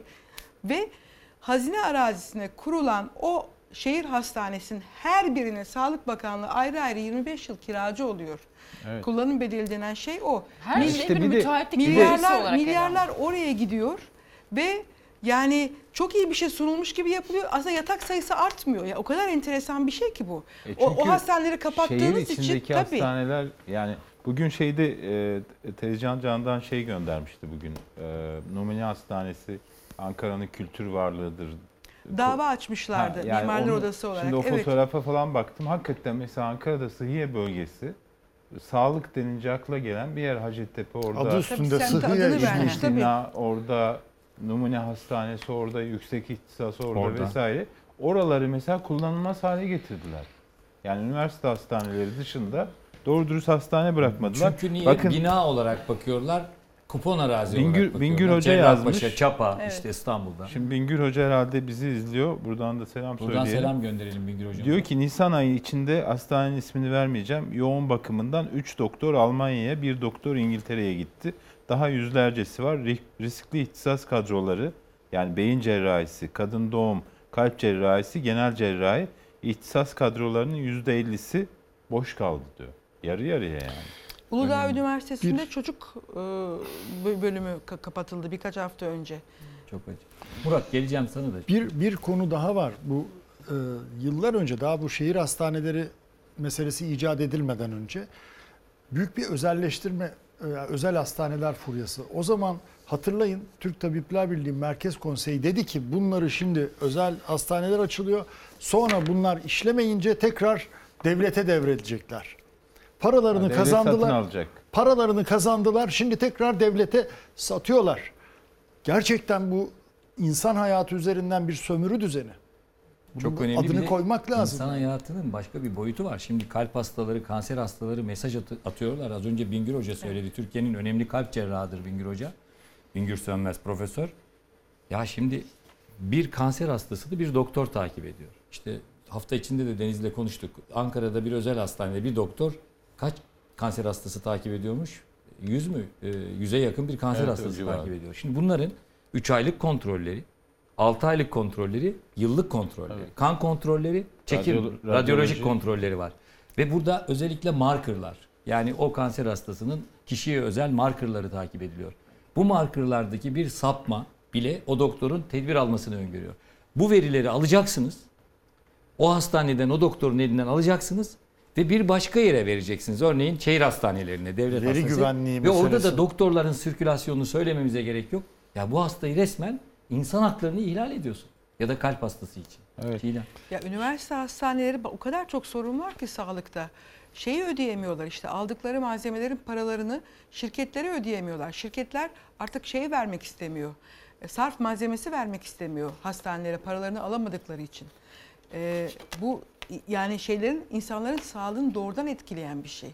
Yani o kadar çok önceliği olduğu kaynak aktarılması gerektiği halde aktarılamayıp şehir hastanesine aktarılıyor ki kaynaklar. Yani hakikaten Bir de, çok bir de şöyle bir şey var ya en büyük çok büyükse çok iyidir mesela.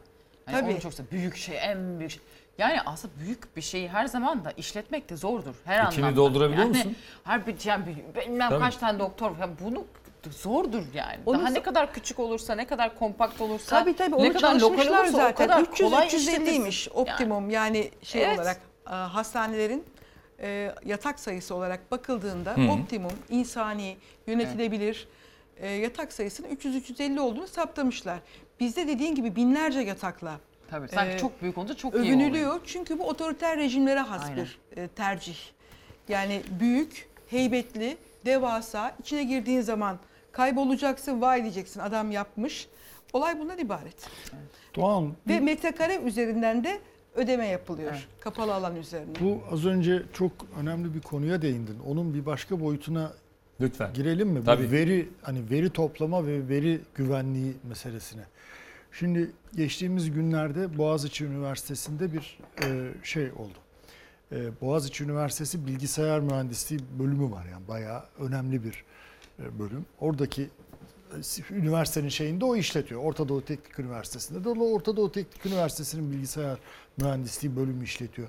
Şimdi bunlar bu alınıyor. Oradaki bütün veriler Boğaziçi Üniversitesi'nin bugüne kadar biriktirdiği bütün veriler alınıyor ve isminin de henüz açıklamadıkları Bir şirkete bir şirkete devrediliyor ve bu arada bir e, bilgi işlem dairesi başkanlığı oluşturuluyor. Bütün yollar Üsküdar Belediyesi'ne çıkıyor. Adalet Kalkınma Partili yani oradan insanlar oraya iş yapan şirket filan diye. Ee, şimdi bu Çok tehlikeli. Yani sadece 4, 4 öğretim üyesi bunu fark ediyor bu arada. Evet. Bu verilerin verildiğini bu Üsküdar'da mı? şirkete. hayır alakası yok Üsküdar'da Biliyorum ama. Boğaziçi Üniversitesi'ne ait en önemli varlıklardan olan Kandilli, Kandilli. Rasathanesi bölümü İstanbul'un en değerli arazisi Üsküdar'da. Evet. Şimdi bakın çok büyük bir rant çarkı işletiliyor ve bir Türkiye'nin en büyük üniversitelerinden birinin hafızası, kolektif hafızası şifreleriyle beraber yani admin şifresi dedikleri yönetici yetkisine sahip şifrelerle beraber ismi de açıklanmayan Öğrencilerin, hocaların, Her şey. akademisyenlerin, eski mezunların hepsinin kişisel verileri. Her şeyin Çiğdem. Evet. Ve e, şöyle bir şey var. Yani e, Lale Akarun daha önce bilgisayar mühendisliği bölüm başkanıydı. Profesör doktor bir yazı yazdı. Yetkin Report'ta da yayınladık. Şöyle diyor. Hırsız evin içindeyse kapının kilidini değiştirmek işe yarar mı? Soru bu. Hırsız içeride. Bakın e, bu veri güvenliğinin ne kadar önemli olduğunu ne zaman gördük biz?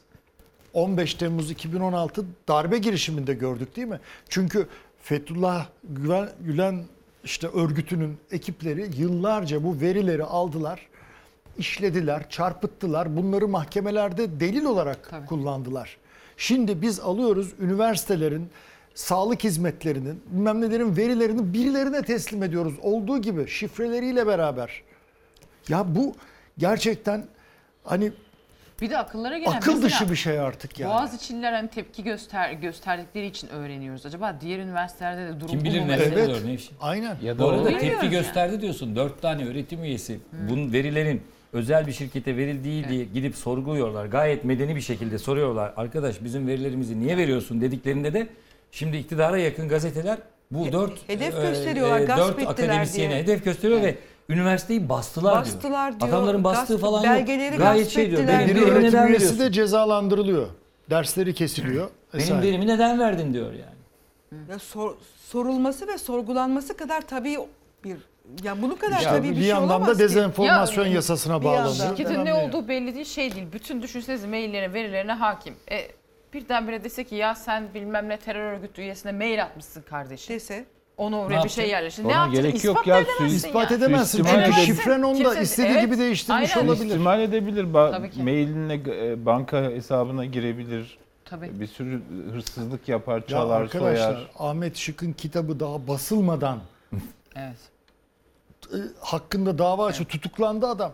Daha kitabı Bir de, basılmamış. bir de hatırlıyor musunuz? Radikal'in bürosuna geldiklerinde polisler normalde o bir suç deliliyse eğer el koymak isterler. Yani suç delili olarak onu Alırlar. yok etmeye geldiler, silmeye geldiler. Evet. İçindekilerini yok etmek için Çok açık. silmek istediler.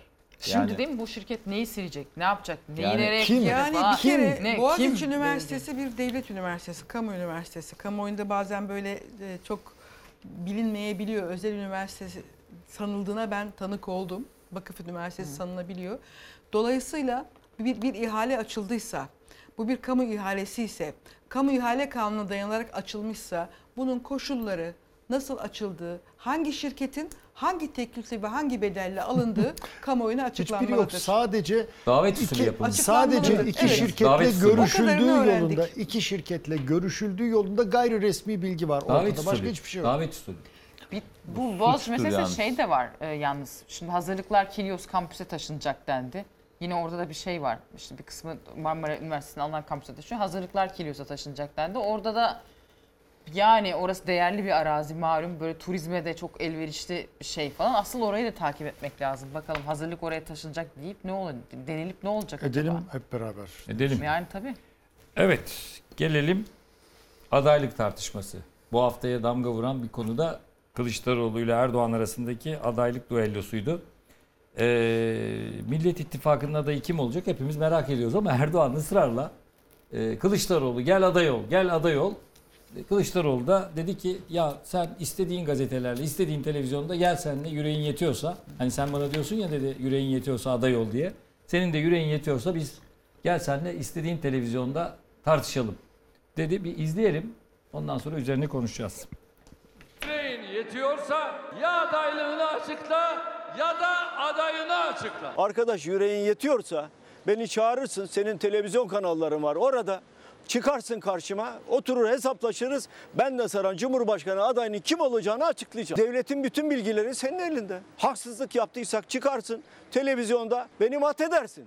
Yapamaz, cesaret edemez. İşte söylüyorum Cumhur İttifakı'nın adayı Tayyip Erdoğan. Zaman doldursa eğer yasalar uygulanacaksa e, Erdoğan'ın aday olmaması lazım. Anayasa açık.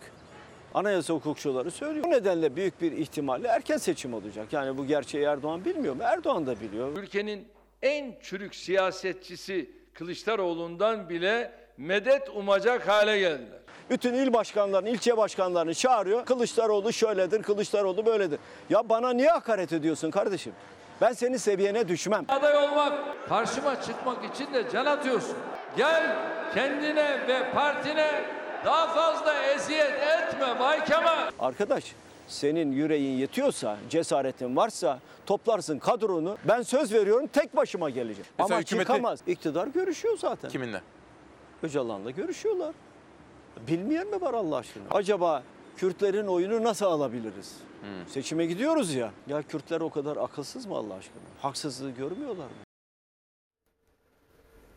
Erdoğan niçin ısrarla Kılıçdaroğlu diyor ki?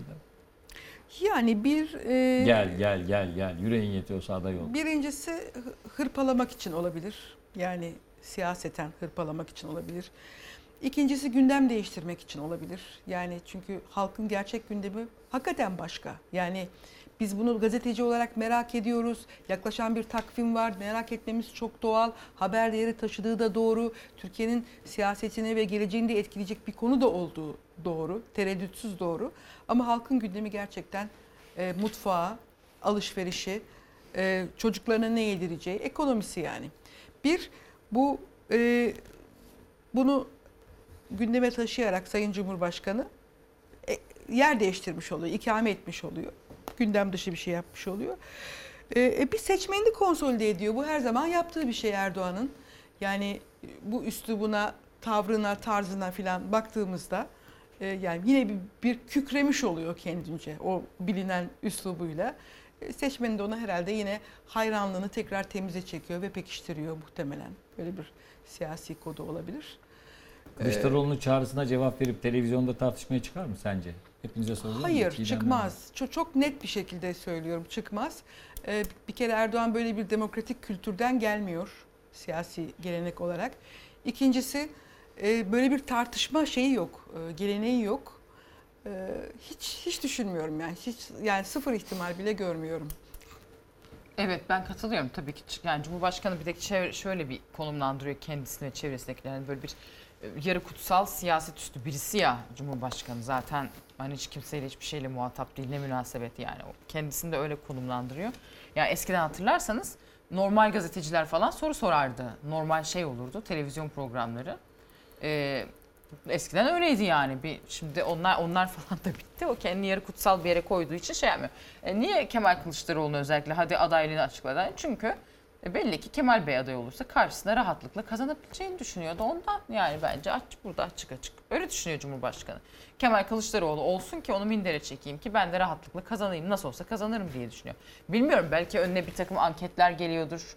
O anketlere bakarak bunu şey yapıyordur e, söylüyordur ya da nasıl olsa daha önce işte çok kereler hani Kemal Bey'le birebir olmasa da Kemal Bey karşı kazandı. E yine kazanırım hesabı yapıyordur. Herhalde öyle yani. Başka türlü bilmiyorum nasıl okumak lazım. Kemal Bey'in meydan okuması da enteresan. Diyor ki hangi gazeteciler olursa olsun, hangi televizyon olursa olsun hazırım. Hani Arınç diyor ya, E maje- Bey gazete, daha önce majestelerinin gazetecileri diyor Evet. ya Arınç. Yani diyor ki ben majestelerin gazetecilerinin karşısına da çıkmaya hazırım diyor yani. E daha önce de çok söyledi bunu Daha önce Kemal Bey. söyledi. Kemal Bey bu Ara ara hesaplaşmaya söylüyor. hep hep hazır. Her Evet. zaman bu çağrıda Ara ara bulunuyor. söylüyor. Senelerdir bulunuyor ama yani e, Cumhurbaşkanı Erdoğan'ın böyle bir e, şeyi yok yani. E, demin söylediğimi tekrar etmem biri. Ne böyle bir talebi olur, ne böyle bir isteği olur, ne de buna razı gelir. Arkadaşlar hatırlayacaksınız bu e, bazı kanallardaki düzmece canlı yayın sohbetlerinde bile arkada prompter olduğu çıktı. Biz de bu programda konuştuk. İşin Değil bir de mi? bu boyutu yani var tabii. Hani Hatta yakalandılar. Ce- ce- Yani evet. prompter'ın görünmemesi Yani gerekiyordu. Kameradan Yani sizce- canlı yayın şeyleri cevaplara sorular oluyor. Yani, Yani, cevaplar belli. Kemal sorular. Kılıçdaroğlu'yla Cumhurbaşkanı karşılıklı çıksa Kılıçdaroğlu şey mi yapar? Bastırır mı Cumhurbaşkanını sizce? Şimdi ben başka bir şey söylüyorum. promptersız çıkacak mı? Yani velev ki çıktı. Promptersız çıkacak mı?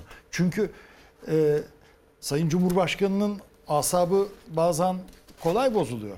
Yani hemen kızı veriyor. Yani orada e, bir öfke kontrolü sorunu çıkar mı çıkmaz mı bilmiyorum. Bu ikisi için de geçerli tabii de e, şeyin e, yani Kılıçdaroğlu'nun böyle durumlarda bir e, tuhaf bir sakinliği de oluyor. Yani hani karşısındakini e, sinir etme kapasitesi var.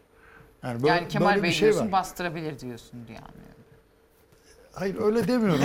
Şimdi istiyorsan sen söyleyebilirsin onu. Psikolojik olarak çökertin diyor Murat.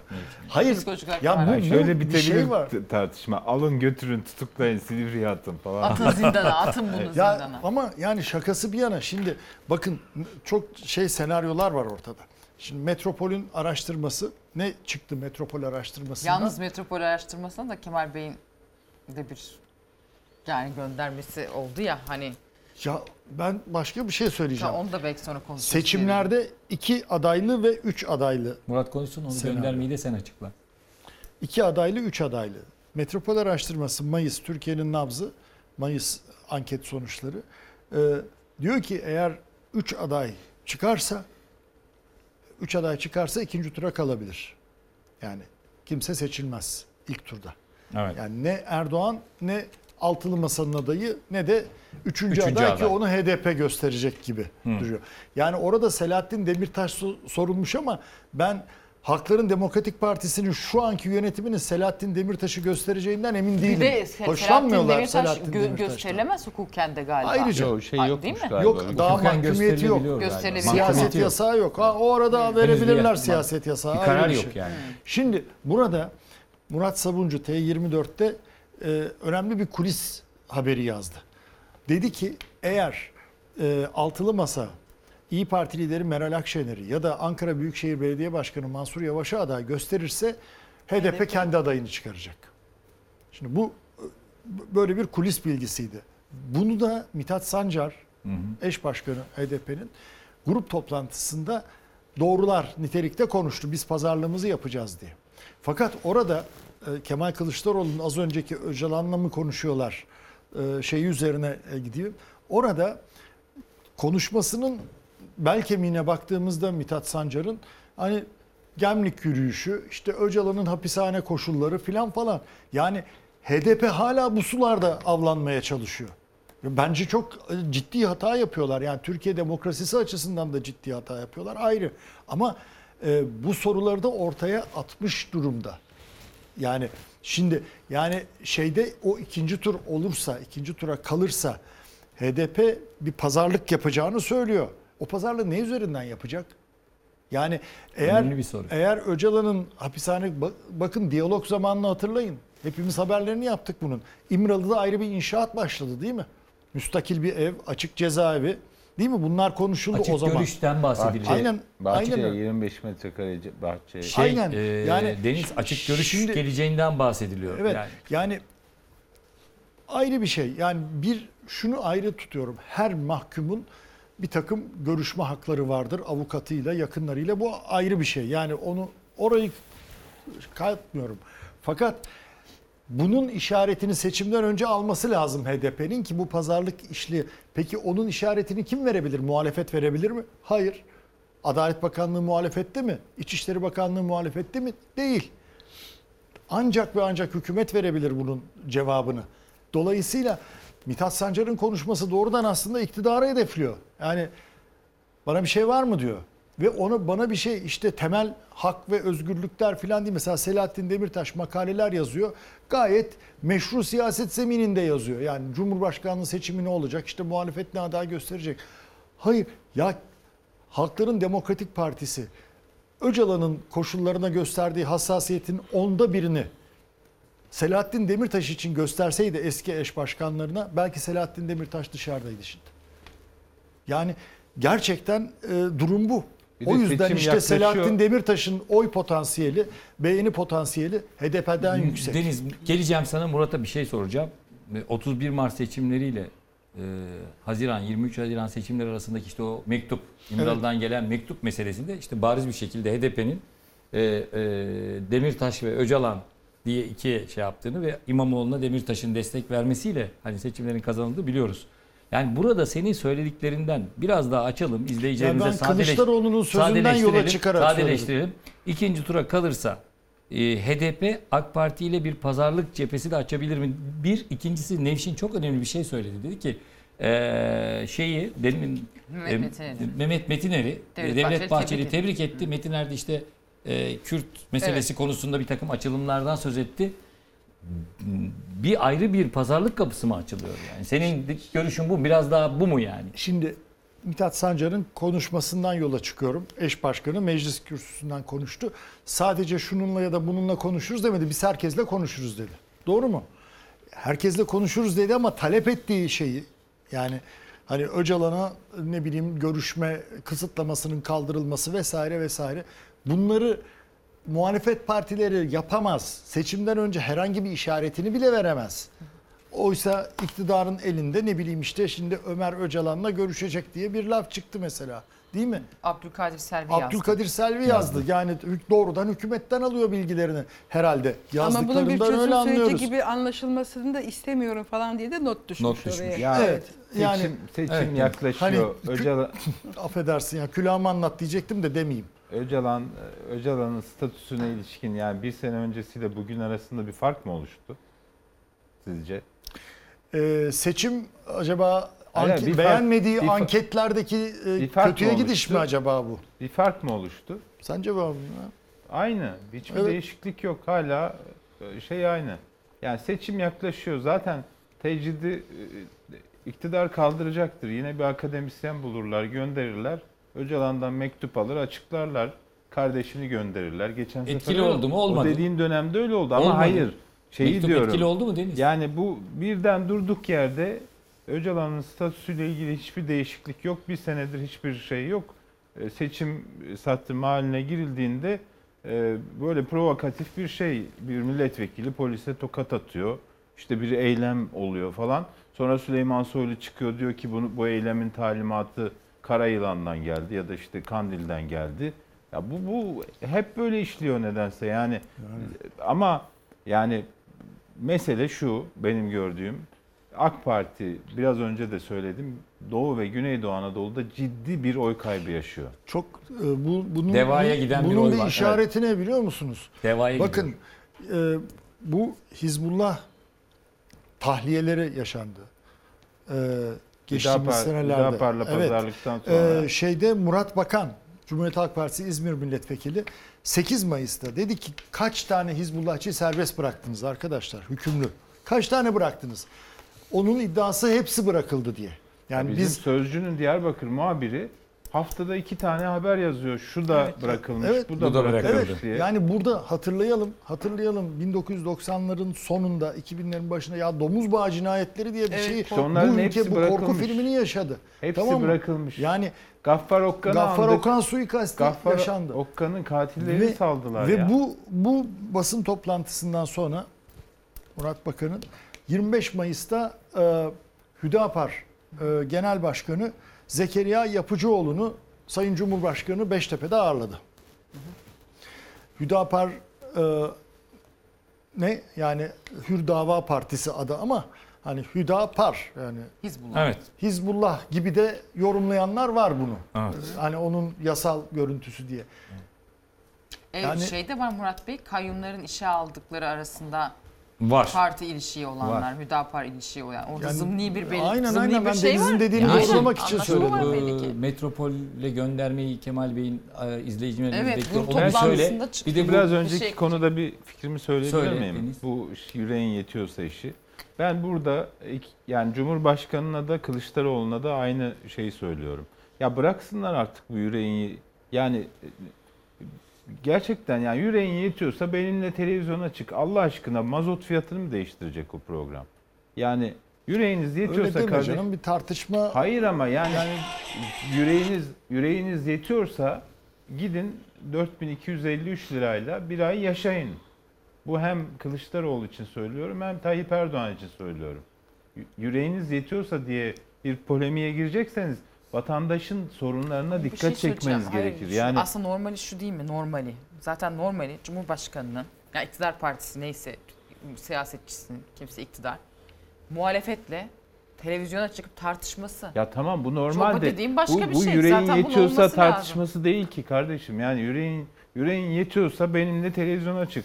E yani ya memleket yangın yeri e, motorin olmuş 30 lira.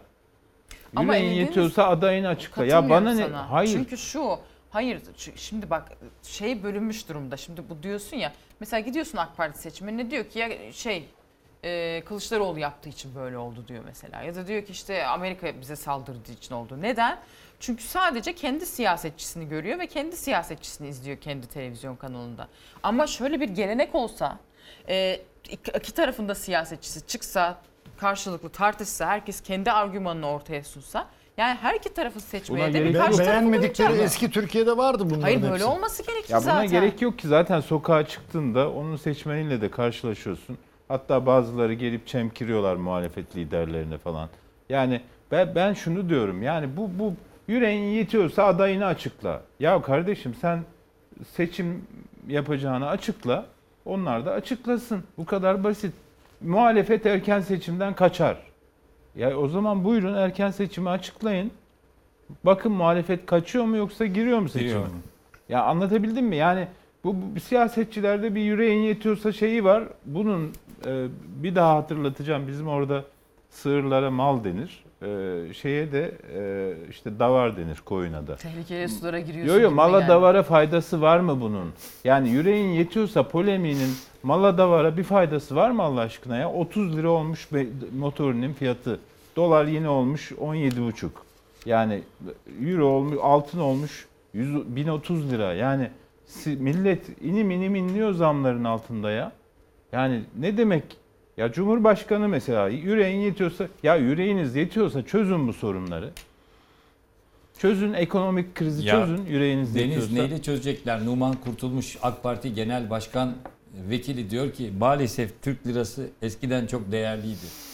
Yalnız o açıklamanın üstüne durmak lazım. Neden biliyor musunuz? Dedi ya Numan Kurtulmuş hani eskiden maalesef bir ara çok değerliydi Türk lirası ve Türkiye ihracat yapamıyordu. Hani o da dengeye oturdu. O zaman şey tezi çöküyor. Hani hep Cumhurbaşkanı dedi ya e, öyle bir hatta AK Parti argümanı onun üzerine kuruyor ya işte Gezi ile Türkiye hedef alındı. Hı hı. Türk lirası değer kaybetmeye başladı. İşte arkasında uluslararası güçler var. İşte Rothschild'ler var. Bir gezici e tamam o zaman değil. O zaman buysa o değil. Ya, Şimdi çok şükür kendileriyle düştüyse hayır o zaman Çok tamam güzel. o Bir de- tez çöktü bir o de zaman. Nevşin eski dönem acaba ne? Yani eski dönem derken biz AK Parti Neyi öncesi kastediyoruz? dönemini Tabii. kastediyoruz. Berat Albayrak dönemini mi Dönemini kastediyoruz? kastediyoruz, tabii. Babacan dönemini diyor Babacan herhalde Numan mi? Neyi herhalde. kastediyor? Koskoca bir 20 yani yıl var. Gerçekten Eski diye bir şey mi var? Artık şey yok yani artık bir insicamı kalmadı Evet. söylemlerin. Neyi kastediyorsun? Bak bir o ne? hangi eski dönem bir de e, hani ithalatı çıkarıyordu diyor. Nevşin vurguladı. İthalatı çıkarıyordu diyor. Düşük yani Türk lirası değerliyken ithalatı çıkarıyordu diyor. Şimdi çıkarmıyor mu?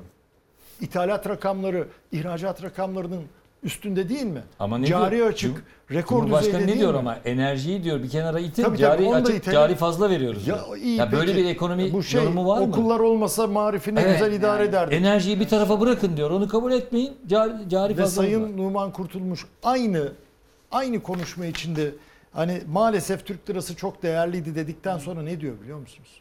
Diyor ki kendi para birimimize itibar etmeliyiz. İşte Yani şey bir yandan diyor ki biz Türk lirasını maalesef değerliydi, değersiz hale getirdik. Sonra da diyor ki kendi para birimimize Dolar itibar dolar kuru 14,5 liraydı.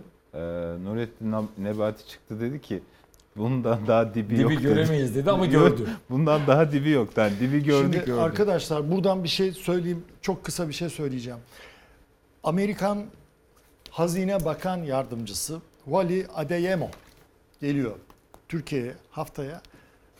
Nebati Bakan'la ve Şahap Kavcıoğlu Merkez Bankası, Bankası. Başkanı artık pek adını duymuyoruz. Onunla görüşüyor. Şimdi Birlikte ne mi görüşüyor ayrı ayrı mı görüşecek? Bilmem. Neden sordum? Çünkü Nebati ile Kavcıoğlu'nun araları da açık ya. Beraber Evet. bir araya gelecekler mi? Belki de barıştırmaya geliyor. Barıştırmaya mı geliyor şakası, abi? Şakası yani tabii bu. Ama şimdi bu enteresan Dış bir güçlerle mi görüşüyorlarmış? Dış güçler evet. Mihraklarla. Çünkü bu da herhangi bir e, hazineci değil. Obama döneminde e, Obama'nın ulusal güvenlik danışmanının yardımcısıydı. Ekonomik konulardan sorumlu. Daha sonra da Amerika'nın bir ulusal ekonomi konseyi var. Onun başındaydı. Bu adam bir güvenlikçi aslında. Yani ekonomist ama Beka, güvenlikçi. bekacı yani. Yani ekonomik beka. efendim Bekacı yani. Aynen öyle. Aynen öyle. Yani e, şimdi Ali Babacan bir yandan diyor ki işte iflas ediyoruz. Aman bilmem ne Merkez Bankası'nda para kalmadı diyor. Bu arkadaş da geliyor. Arkadaş derken yani şahsi arkadaşım değil tabii. Yani bu geliyor bir ekonomi güvenlikçisi yani bizde pek olmayan kavramlar. Tamam geliyor ve bunlarla görüşecekmiş. E ne diyeceksiniz? Batacaksınız böyle yapmayın mı diyecek. Bilmem. Bir de Merak önümüzdeki hafta ediyorum. şey var. Ama para bunu duyuruyoruz işte var. yani şimdi. 23 Orta Haziran'da, sayfada duyurmuş olduk. Evet, 23 önemli bu. Haziran'da bir de para politikası kurulu var. Yani faizle ilgili e, yani artırılması yine beklenmiyor ama Yok. Bir de Çiğdem Hanım şimdi belli de arttırsalar olmaz kaç gerçi. arttıracak? Ha %100 yani arttırması lazım. Tabii Başka tabii yani ne yok kadar ki. arttırırsan arttır artık Yok, etkisi yok. yok. Geçmiş olsun iktisatçılar yani. Bundan sonra çoğalıyor. şey- Ama Evet. Murat'ın söylediği çok önemli. Evet. Bu vatandaşın gelmesiyle işte o toplantıların yapılmasının aynı döneme denk gelmesi, Denk gelmesi. Merkez Haftaya- Bankası Başkanı'yla. Nebati ile görüşmesinin bir anlamı 23 var. Haziran'da. Bir şey olacak ve bir şeyler E, konuşulacak 22'sinde orada. de Yani şey gelecek. Veliaht Suudi Prens. Veliaht Prens Veliaht Salman Prens gelecek. o Salman da inşallah gelecek. para getirecek. İnşallah. Ya Rabbim inşallah. İnşallah. Şimdi Nevşin arada kaynadı Swap mı ama getirecek yoksa Hediye mi? bu arada arkadaşlar Nevşin bir şey söyledi. Arada kaynadı. Ben takipçisiyim ısrarla. e, İlgini çeken bir baş- ne gönderme yaptık? Ee, bu, hay, bu şey grup toplantısında Kemal Kılıçdaroğlu'nun için Türkiye'de gündem o kadar hızlı ki hafta başında olan şeyi hafta sonunda unutmuş oluyoruz. Yani onu bırak sabah olan akşam unutuyor. O Burada kadar bile çok- kaynıyordu neredeyse. Vallahi kaynıyor. Üstünü açmasa. Grup toplantısı çok şey kı- çıkıştı Kılıçdaroğlu. Sert Dedi çıktı ki, değil mi? İsim bu dedik vermeden. gazeteci, analiz diyenler, analist diyenler kendilerine dedi bize akıl öğretmeye çalışıyorlar. Ee, Ben dedi burada dövüşüyorum, siyaset yapıyorum. Hani siz kimsiniz bana akıl öğretecek gibi bir çıkış yaptı. O tabii anlaşılan kime diyor? Hani yorumculara mı diyor, gazetecilere mi diyor? kalemini Ne satanlara yapıyor? diyorum dedi. diyor. Anla- yani anlaşılan kimi son dönemde kimi anketlerde hani İyi Parti'nin oy oranının çok yüksek gösterildiğini düşünüyor Kemal Kılıçdaroğlu. Hani Buna mı öfkelendi? Hayır, gösterildiğini düşünüyor ve- önünde diyor ki e, şimdiye kadar demokrasi adına bilmem e, iktidarı eleştirme adına hiçbir şey yapmayanlar bize şimdi akıl öğretiyor Evet. diye Bir böyle o bir böyle de Kemal Bey'in hani adaylığını hep böyle eleştiren Kemal Bey aday olursa e, işte olmaz biter gider Erdoğan kazanır diyenleri epey içerlemiş Kemal Bey. Ee, onlara Bizleri bir- anketçilere. Dışarıda tutmuş işlerinden oldular, bedel ödediler falan diye. Hayır Ben canım onun için de- yani Burada anketçilere de anketçilere aslında. Yok yok gazeteciler de var. Yani bazı gazeteciler bir dönem açık bir CHP şekilde eleştiri iktidarı eleştirmeyenler diye bir açık dönem adres veriyor. CHP'nin yakınında görünüp CHP'li görünüp e, şimdi CHP'nin tam karşısında durup ve hükümete yakın kanallardaki programlara çıkıp çok sert eleştiri yöneltenler var. Büyük ihtimalle onları kastediyor yani. Ben öyle anladım çünkü çok anket falan değil. Ben de öyle anladım. Vallahi Yani ben daha çok benim gazetecileri- aldığım duyum biraz e, ga- yani daha ziyade bu biraz anketler ve Ama hatta şöyle bir şey olmuş. Temmuz ayında bir ankette İyi Parti'nin ikinci parti olarak İşte gösterileceğine ben de şöyle bir ilişkin şey bir duydum bilgiye Nevşin. tepki gösterdiği. Ee, aynı anketçi e, aynı anketi CHP'ye farklı, İyi Parti'ye farklı vermiş.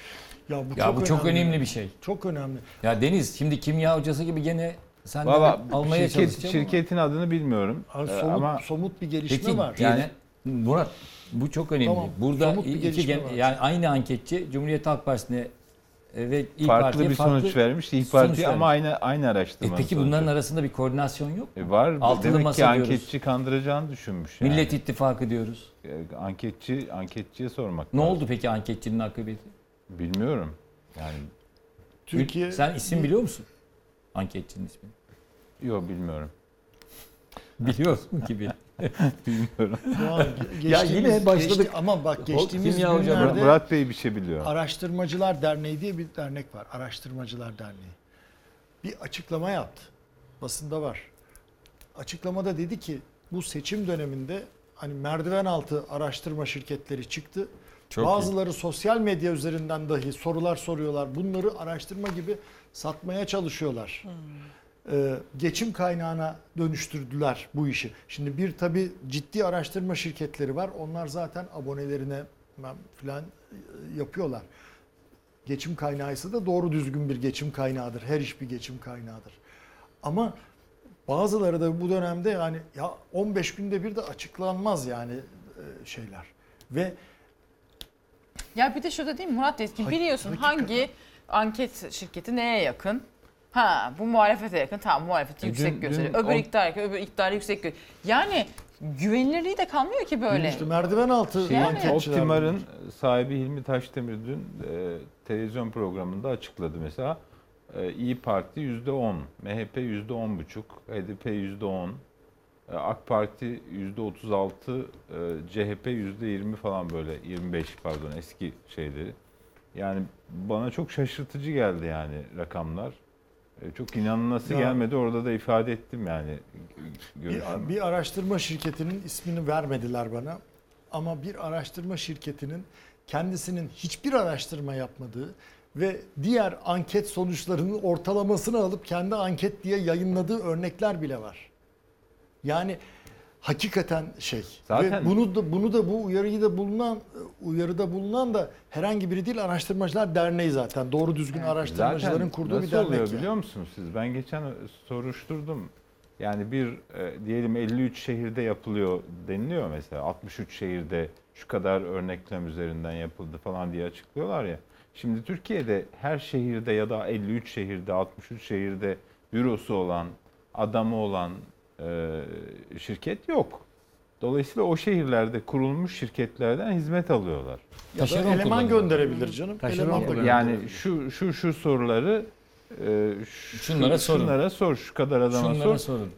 sorun. Bence bütün anket şirketleri aynı adamlara yaptırıyorlar. Onlar da A- aynı örneklem Ha, üzerinden mi gidiyor? a- Aradaki tek fark şey, analiz e, şeyi e, kararsızları nasıl dağıttın, nasıl yorumladın? Ya da işte araya böyle e, hani zekice e, kararsızlarla ilgili fikir verebilecek bir soru ekledin falan gibi yani. Ya zaten normalde hakkıyla yaparsan hani işte bu örneklemin nasıl seçildiği, nasıl bir şey yapıldığı, nasıl dağıtıldığı falan çok pahalı bir iş bu iş. Tabii ya. tabii. Çok pahalı bir şey. Çiğdem. bedavaya yaymazsın, vermezsin yani. Bu, bu düşünsene yani basit bir iş. Sen bu kadar harcı milyonlar milyonlar harcıyorsun. Evet. Sonra bedavaya saçar mısın Ajanslara veriliyor ya, Ha Allah abi veriyorsun. ya da bir seçen Peki yani ben şunu Çiğdem bu konulara çok kafa yoruyor. Yani devletin işte bir takım şeylerde şimdi işlemiyor ama denetlemesi şuyu buyu. Parti içerisindeki partinin örgütlenme yapısında anketler veriliyor. Bu anketleri genel başkanına gidene kadar bir denetim mekanizması ya da bunun doğruluğunu şey yapan buna ödenen paralar. Bir de şunu görüyoruz yani siyasette yıllardır hepimiz siyaseti izliyoruz. izleyen gazetecileriz. Bu anket şirketleri üzerinden ciddi bir şey de var. Yani bir bir rant mekanizması da kurulmuş durumda. O parti bu parti. Yani ben bütün partileri kastediyorum Çiğdem. Normal koşullarda geçmesi lazım. Yani çok da yani büyük bir şeyim yok bu konuda. Uzmanlığım yok ama e, anketler e, doğrudan kamuoyunun fikrini belirlediği ve etkili olduğu için partilerin bu konulardaki birimlerinin hakikaten bir hassasiyet süzgecinden geçiriyor olması lazım. Ben Deniz'in söylediği şeyi çok kayda değer buldum. E, yani büyük anket kuruluşlarının Anadolu'da yerel ölçekte aynı alt müteahhit diyebileceğimiz yani ben- benzin teşbihte hata olmaz. Ee, küçük şirketlerle çalışması tabii aynı değil mi? Tabii tabii. Bu- Mekanizma aynı. Bu, bu çok önemli bir şey. Çünkü ya. anketi Yani hani sokakta çevirip yapmıyorsun. E, bir profil var. Yaş, cinsiyet, mevzu, tabii. işte eğitim Örnekler. vesaire. Dolayısıyla örneği bilinçli bir şekilde seçmen gerekiyor. Yani eleman gönderip hadi sokakta yap diyemiyorsunuz. E, onun için de bir veri Hayır, bankası. o çok daha güvenli. Kendi elemanını gönderip zaten profiline ona göre sordurmak çok daha güvenli İşte şey. onları bulmak çok zaman alıyor. Diğer yerel şeylerde, şirketlerde bir veri bankası var. Oradan e, ulaşabiliyorlar. O hani daha kolay yapabiliyorlar. Dolayısıyla hizmet alımı e, daha ekonomik ve hızlı olabiliyor belki. Evet. Bugünkü programımız 29. programımız bu sezon. Bu yayın döneminde. 29? Evet 29 program olmuş. Ee, bugün e, İsmail Küçükkaya sezon finalini yaptı. Selçuk Tepeli sezon finalini yaptı. Biz de bugün sezon finalimizi yapıyoruz. Türkiye artık yeni yayın döneminde erken olsa da zamanda olsa da seçim satım haline giriyor. Ve orta sayfa artık izleyicinin bütün bu yorumları aldığı tek adresi olmuş durumda. E, bir kere bundan dolayı çok teşekkür ediyoruz. E, biraz tatil yapacağız. Sonra yeni yayın döneminde karşınızda gümbür gümbür olacağız. 29. programda tatile çıkıyoruz. Deniz e, sezon finalinin resmini sen çiz. Evet çizdim Çizdin valla. mi? Hem de Ne ya, çizdin? Kral çıplak dedik. Kral. Kral. Veriyoruz arkadaşlar yaklaşık. Olmuş mu? Benzemiş mi? Olmuş olmuş ya benzemiş. Evet. Bülent Arınç. Benzemiş. Karış, Evet. Kral çıplak. Evet sezon finali. Yeni yayın döneminde karşınıza geleceğiz tekrar. Sadece tatile çıkıyoruz. Tekrar buluşacağız. Ee, bugün öğrenciler karne aldı. Onlara da iyi tatiller diliyoruz. Her zamanki gibi Atilla Yarın da Atasoy'un. sınav var. Evet bu arada YKS. üniversite sınavı var tabii. Üniversite sınavında da başarılar diliyoruz. Bütün öğrencilerimize başarılar diliyoruz. 3 gün boyunca sınava girecekler benim bildiğim. Değil mi? Sınav sistemi Zor iş. İki gün mü? Devamlı değişiyor arkadaşlar. Yani Cumartesi ve pazar günleri. Evet. Cumartesi ve pazar günleri girecekler. Buradan başarılar diliyoruz bütün öğrencilere. Ve e, yeni yayın döneminde görüşmek dileğiyle. Hoşça kalın diyoruz. Atilla Atasoy'la bitiriyoruz.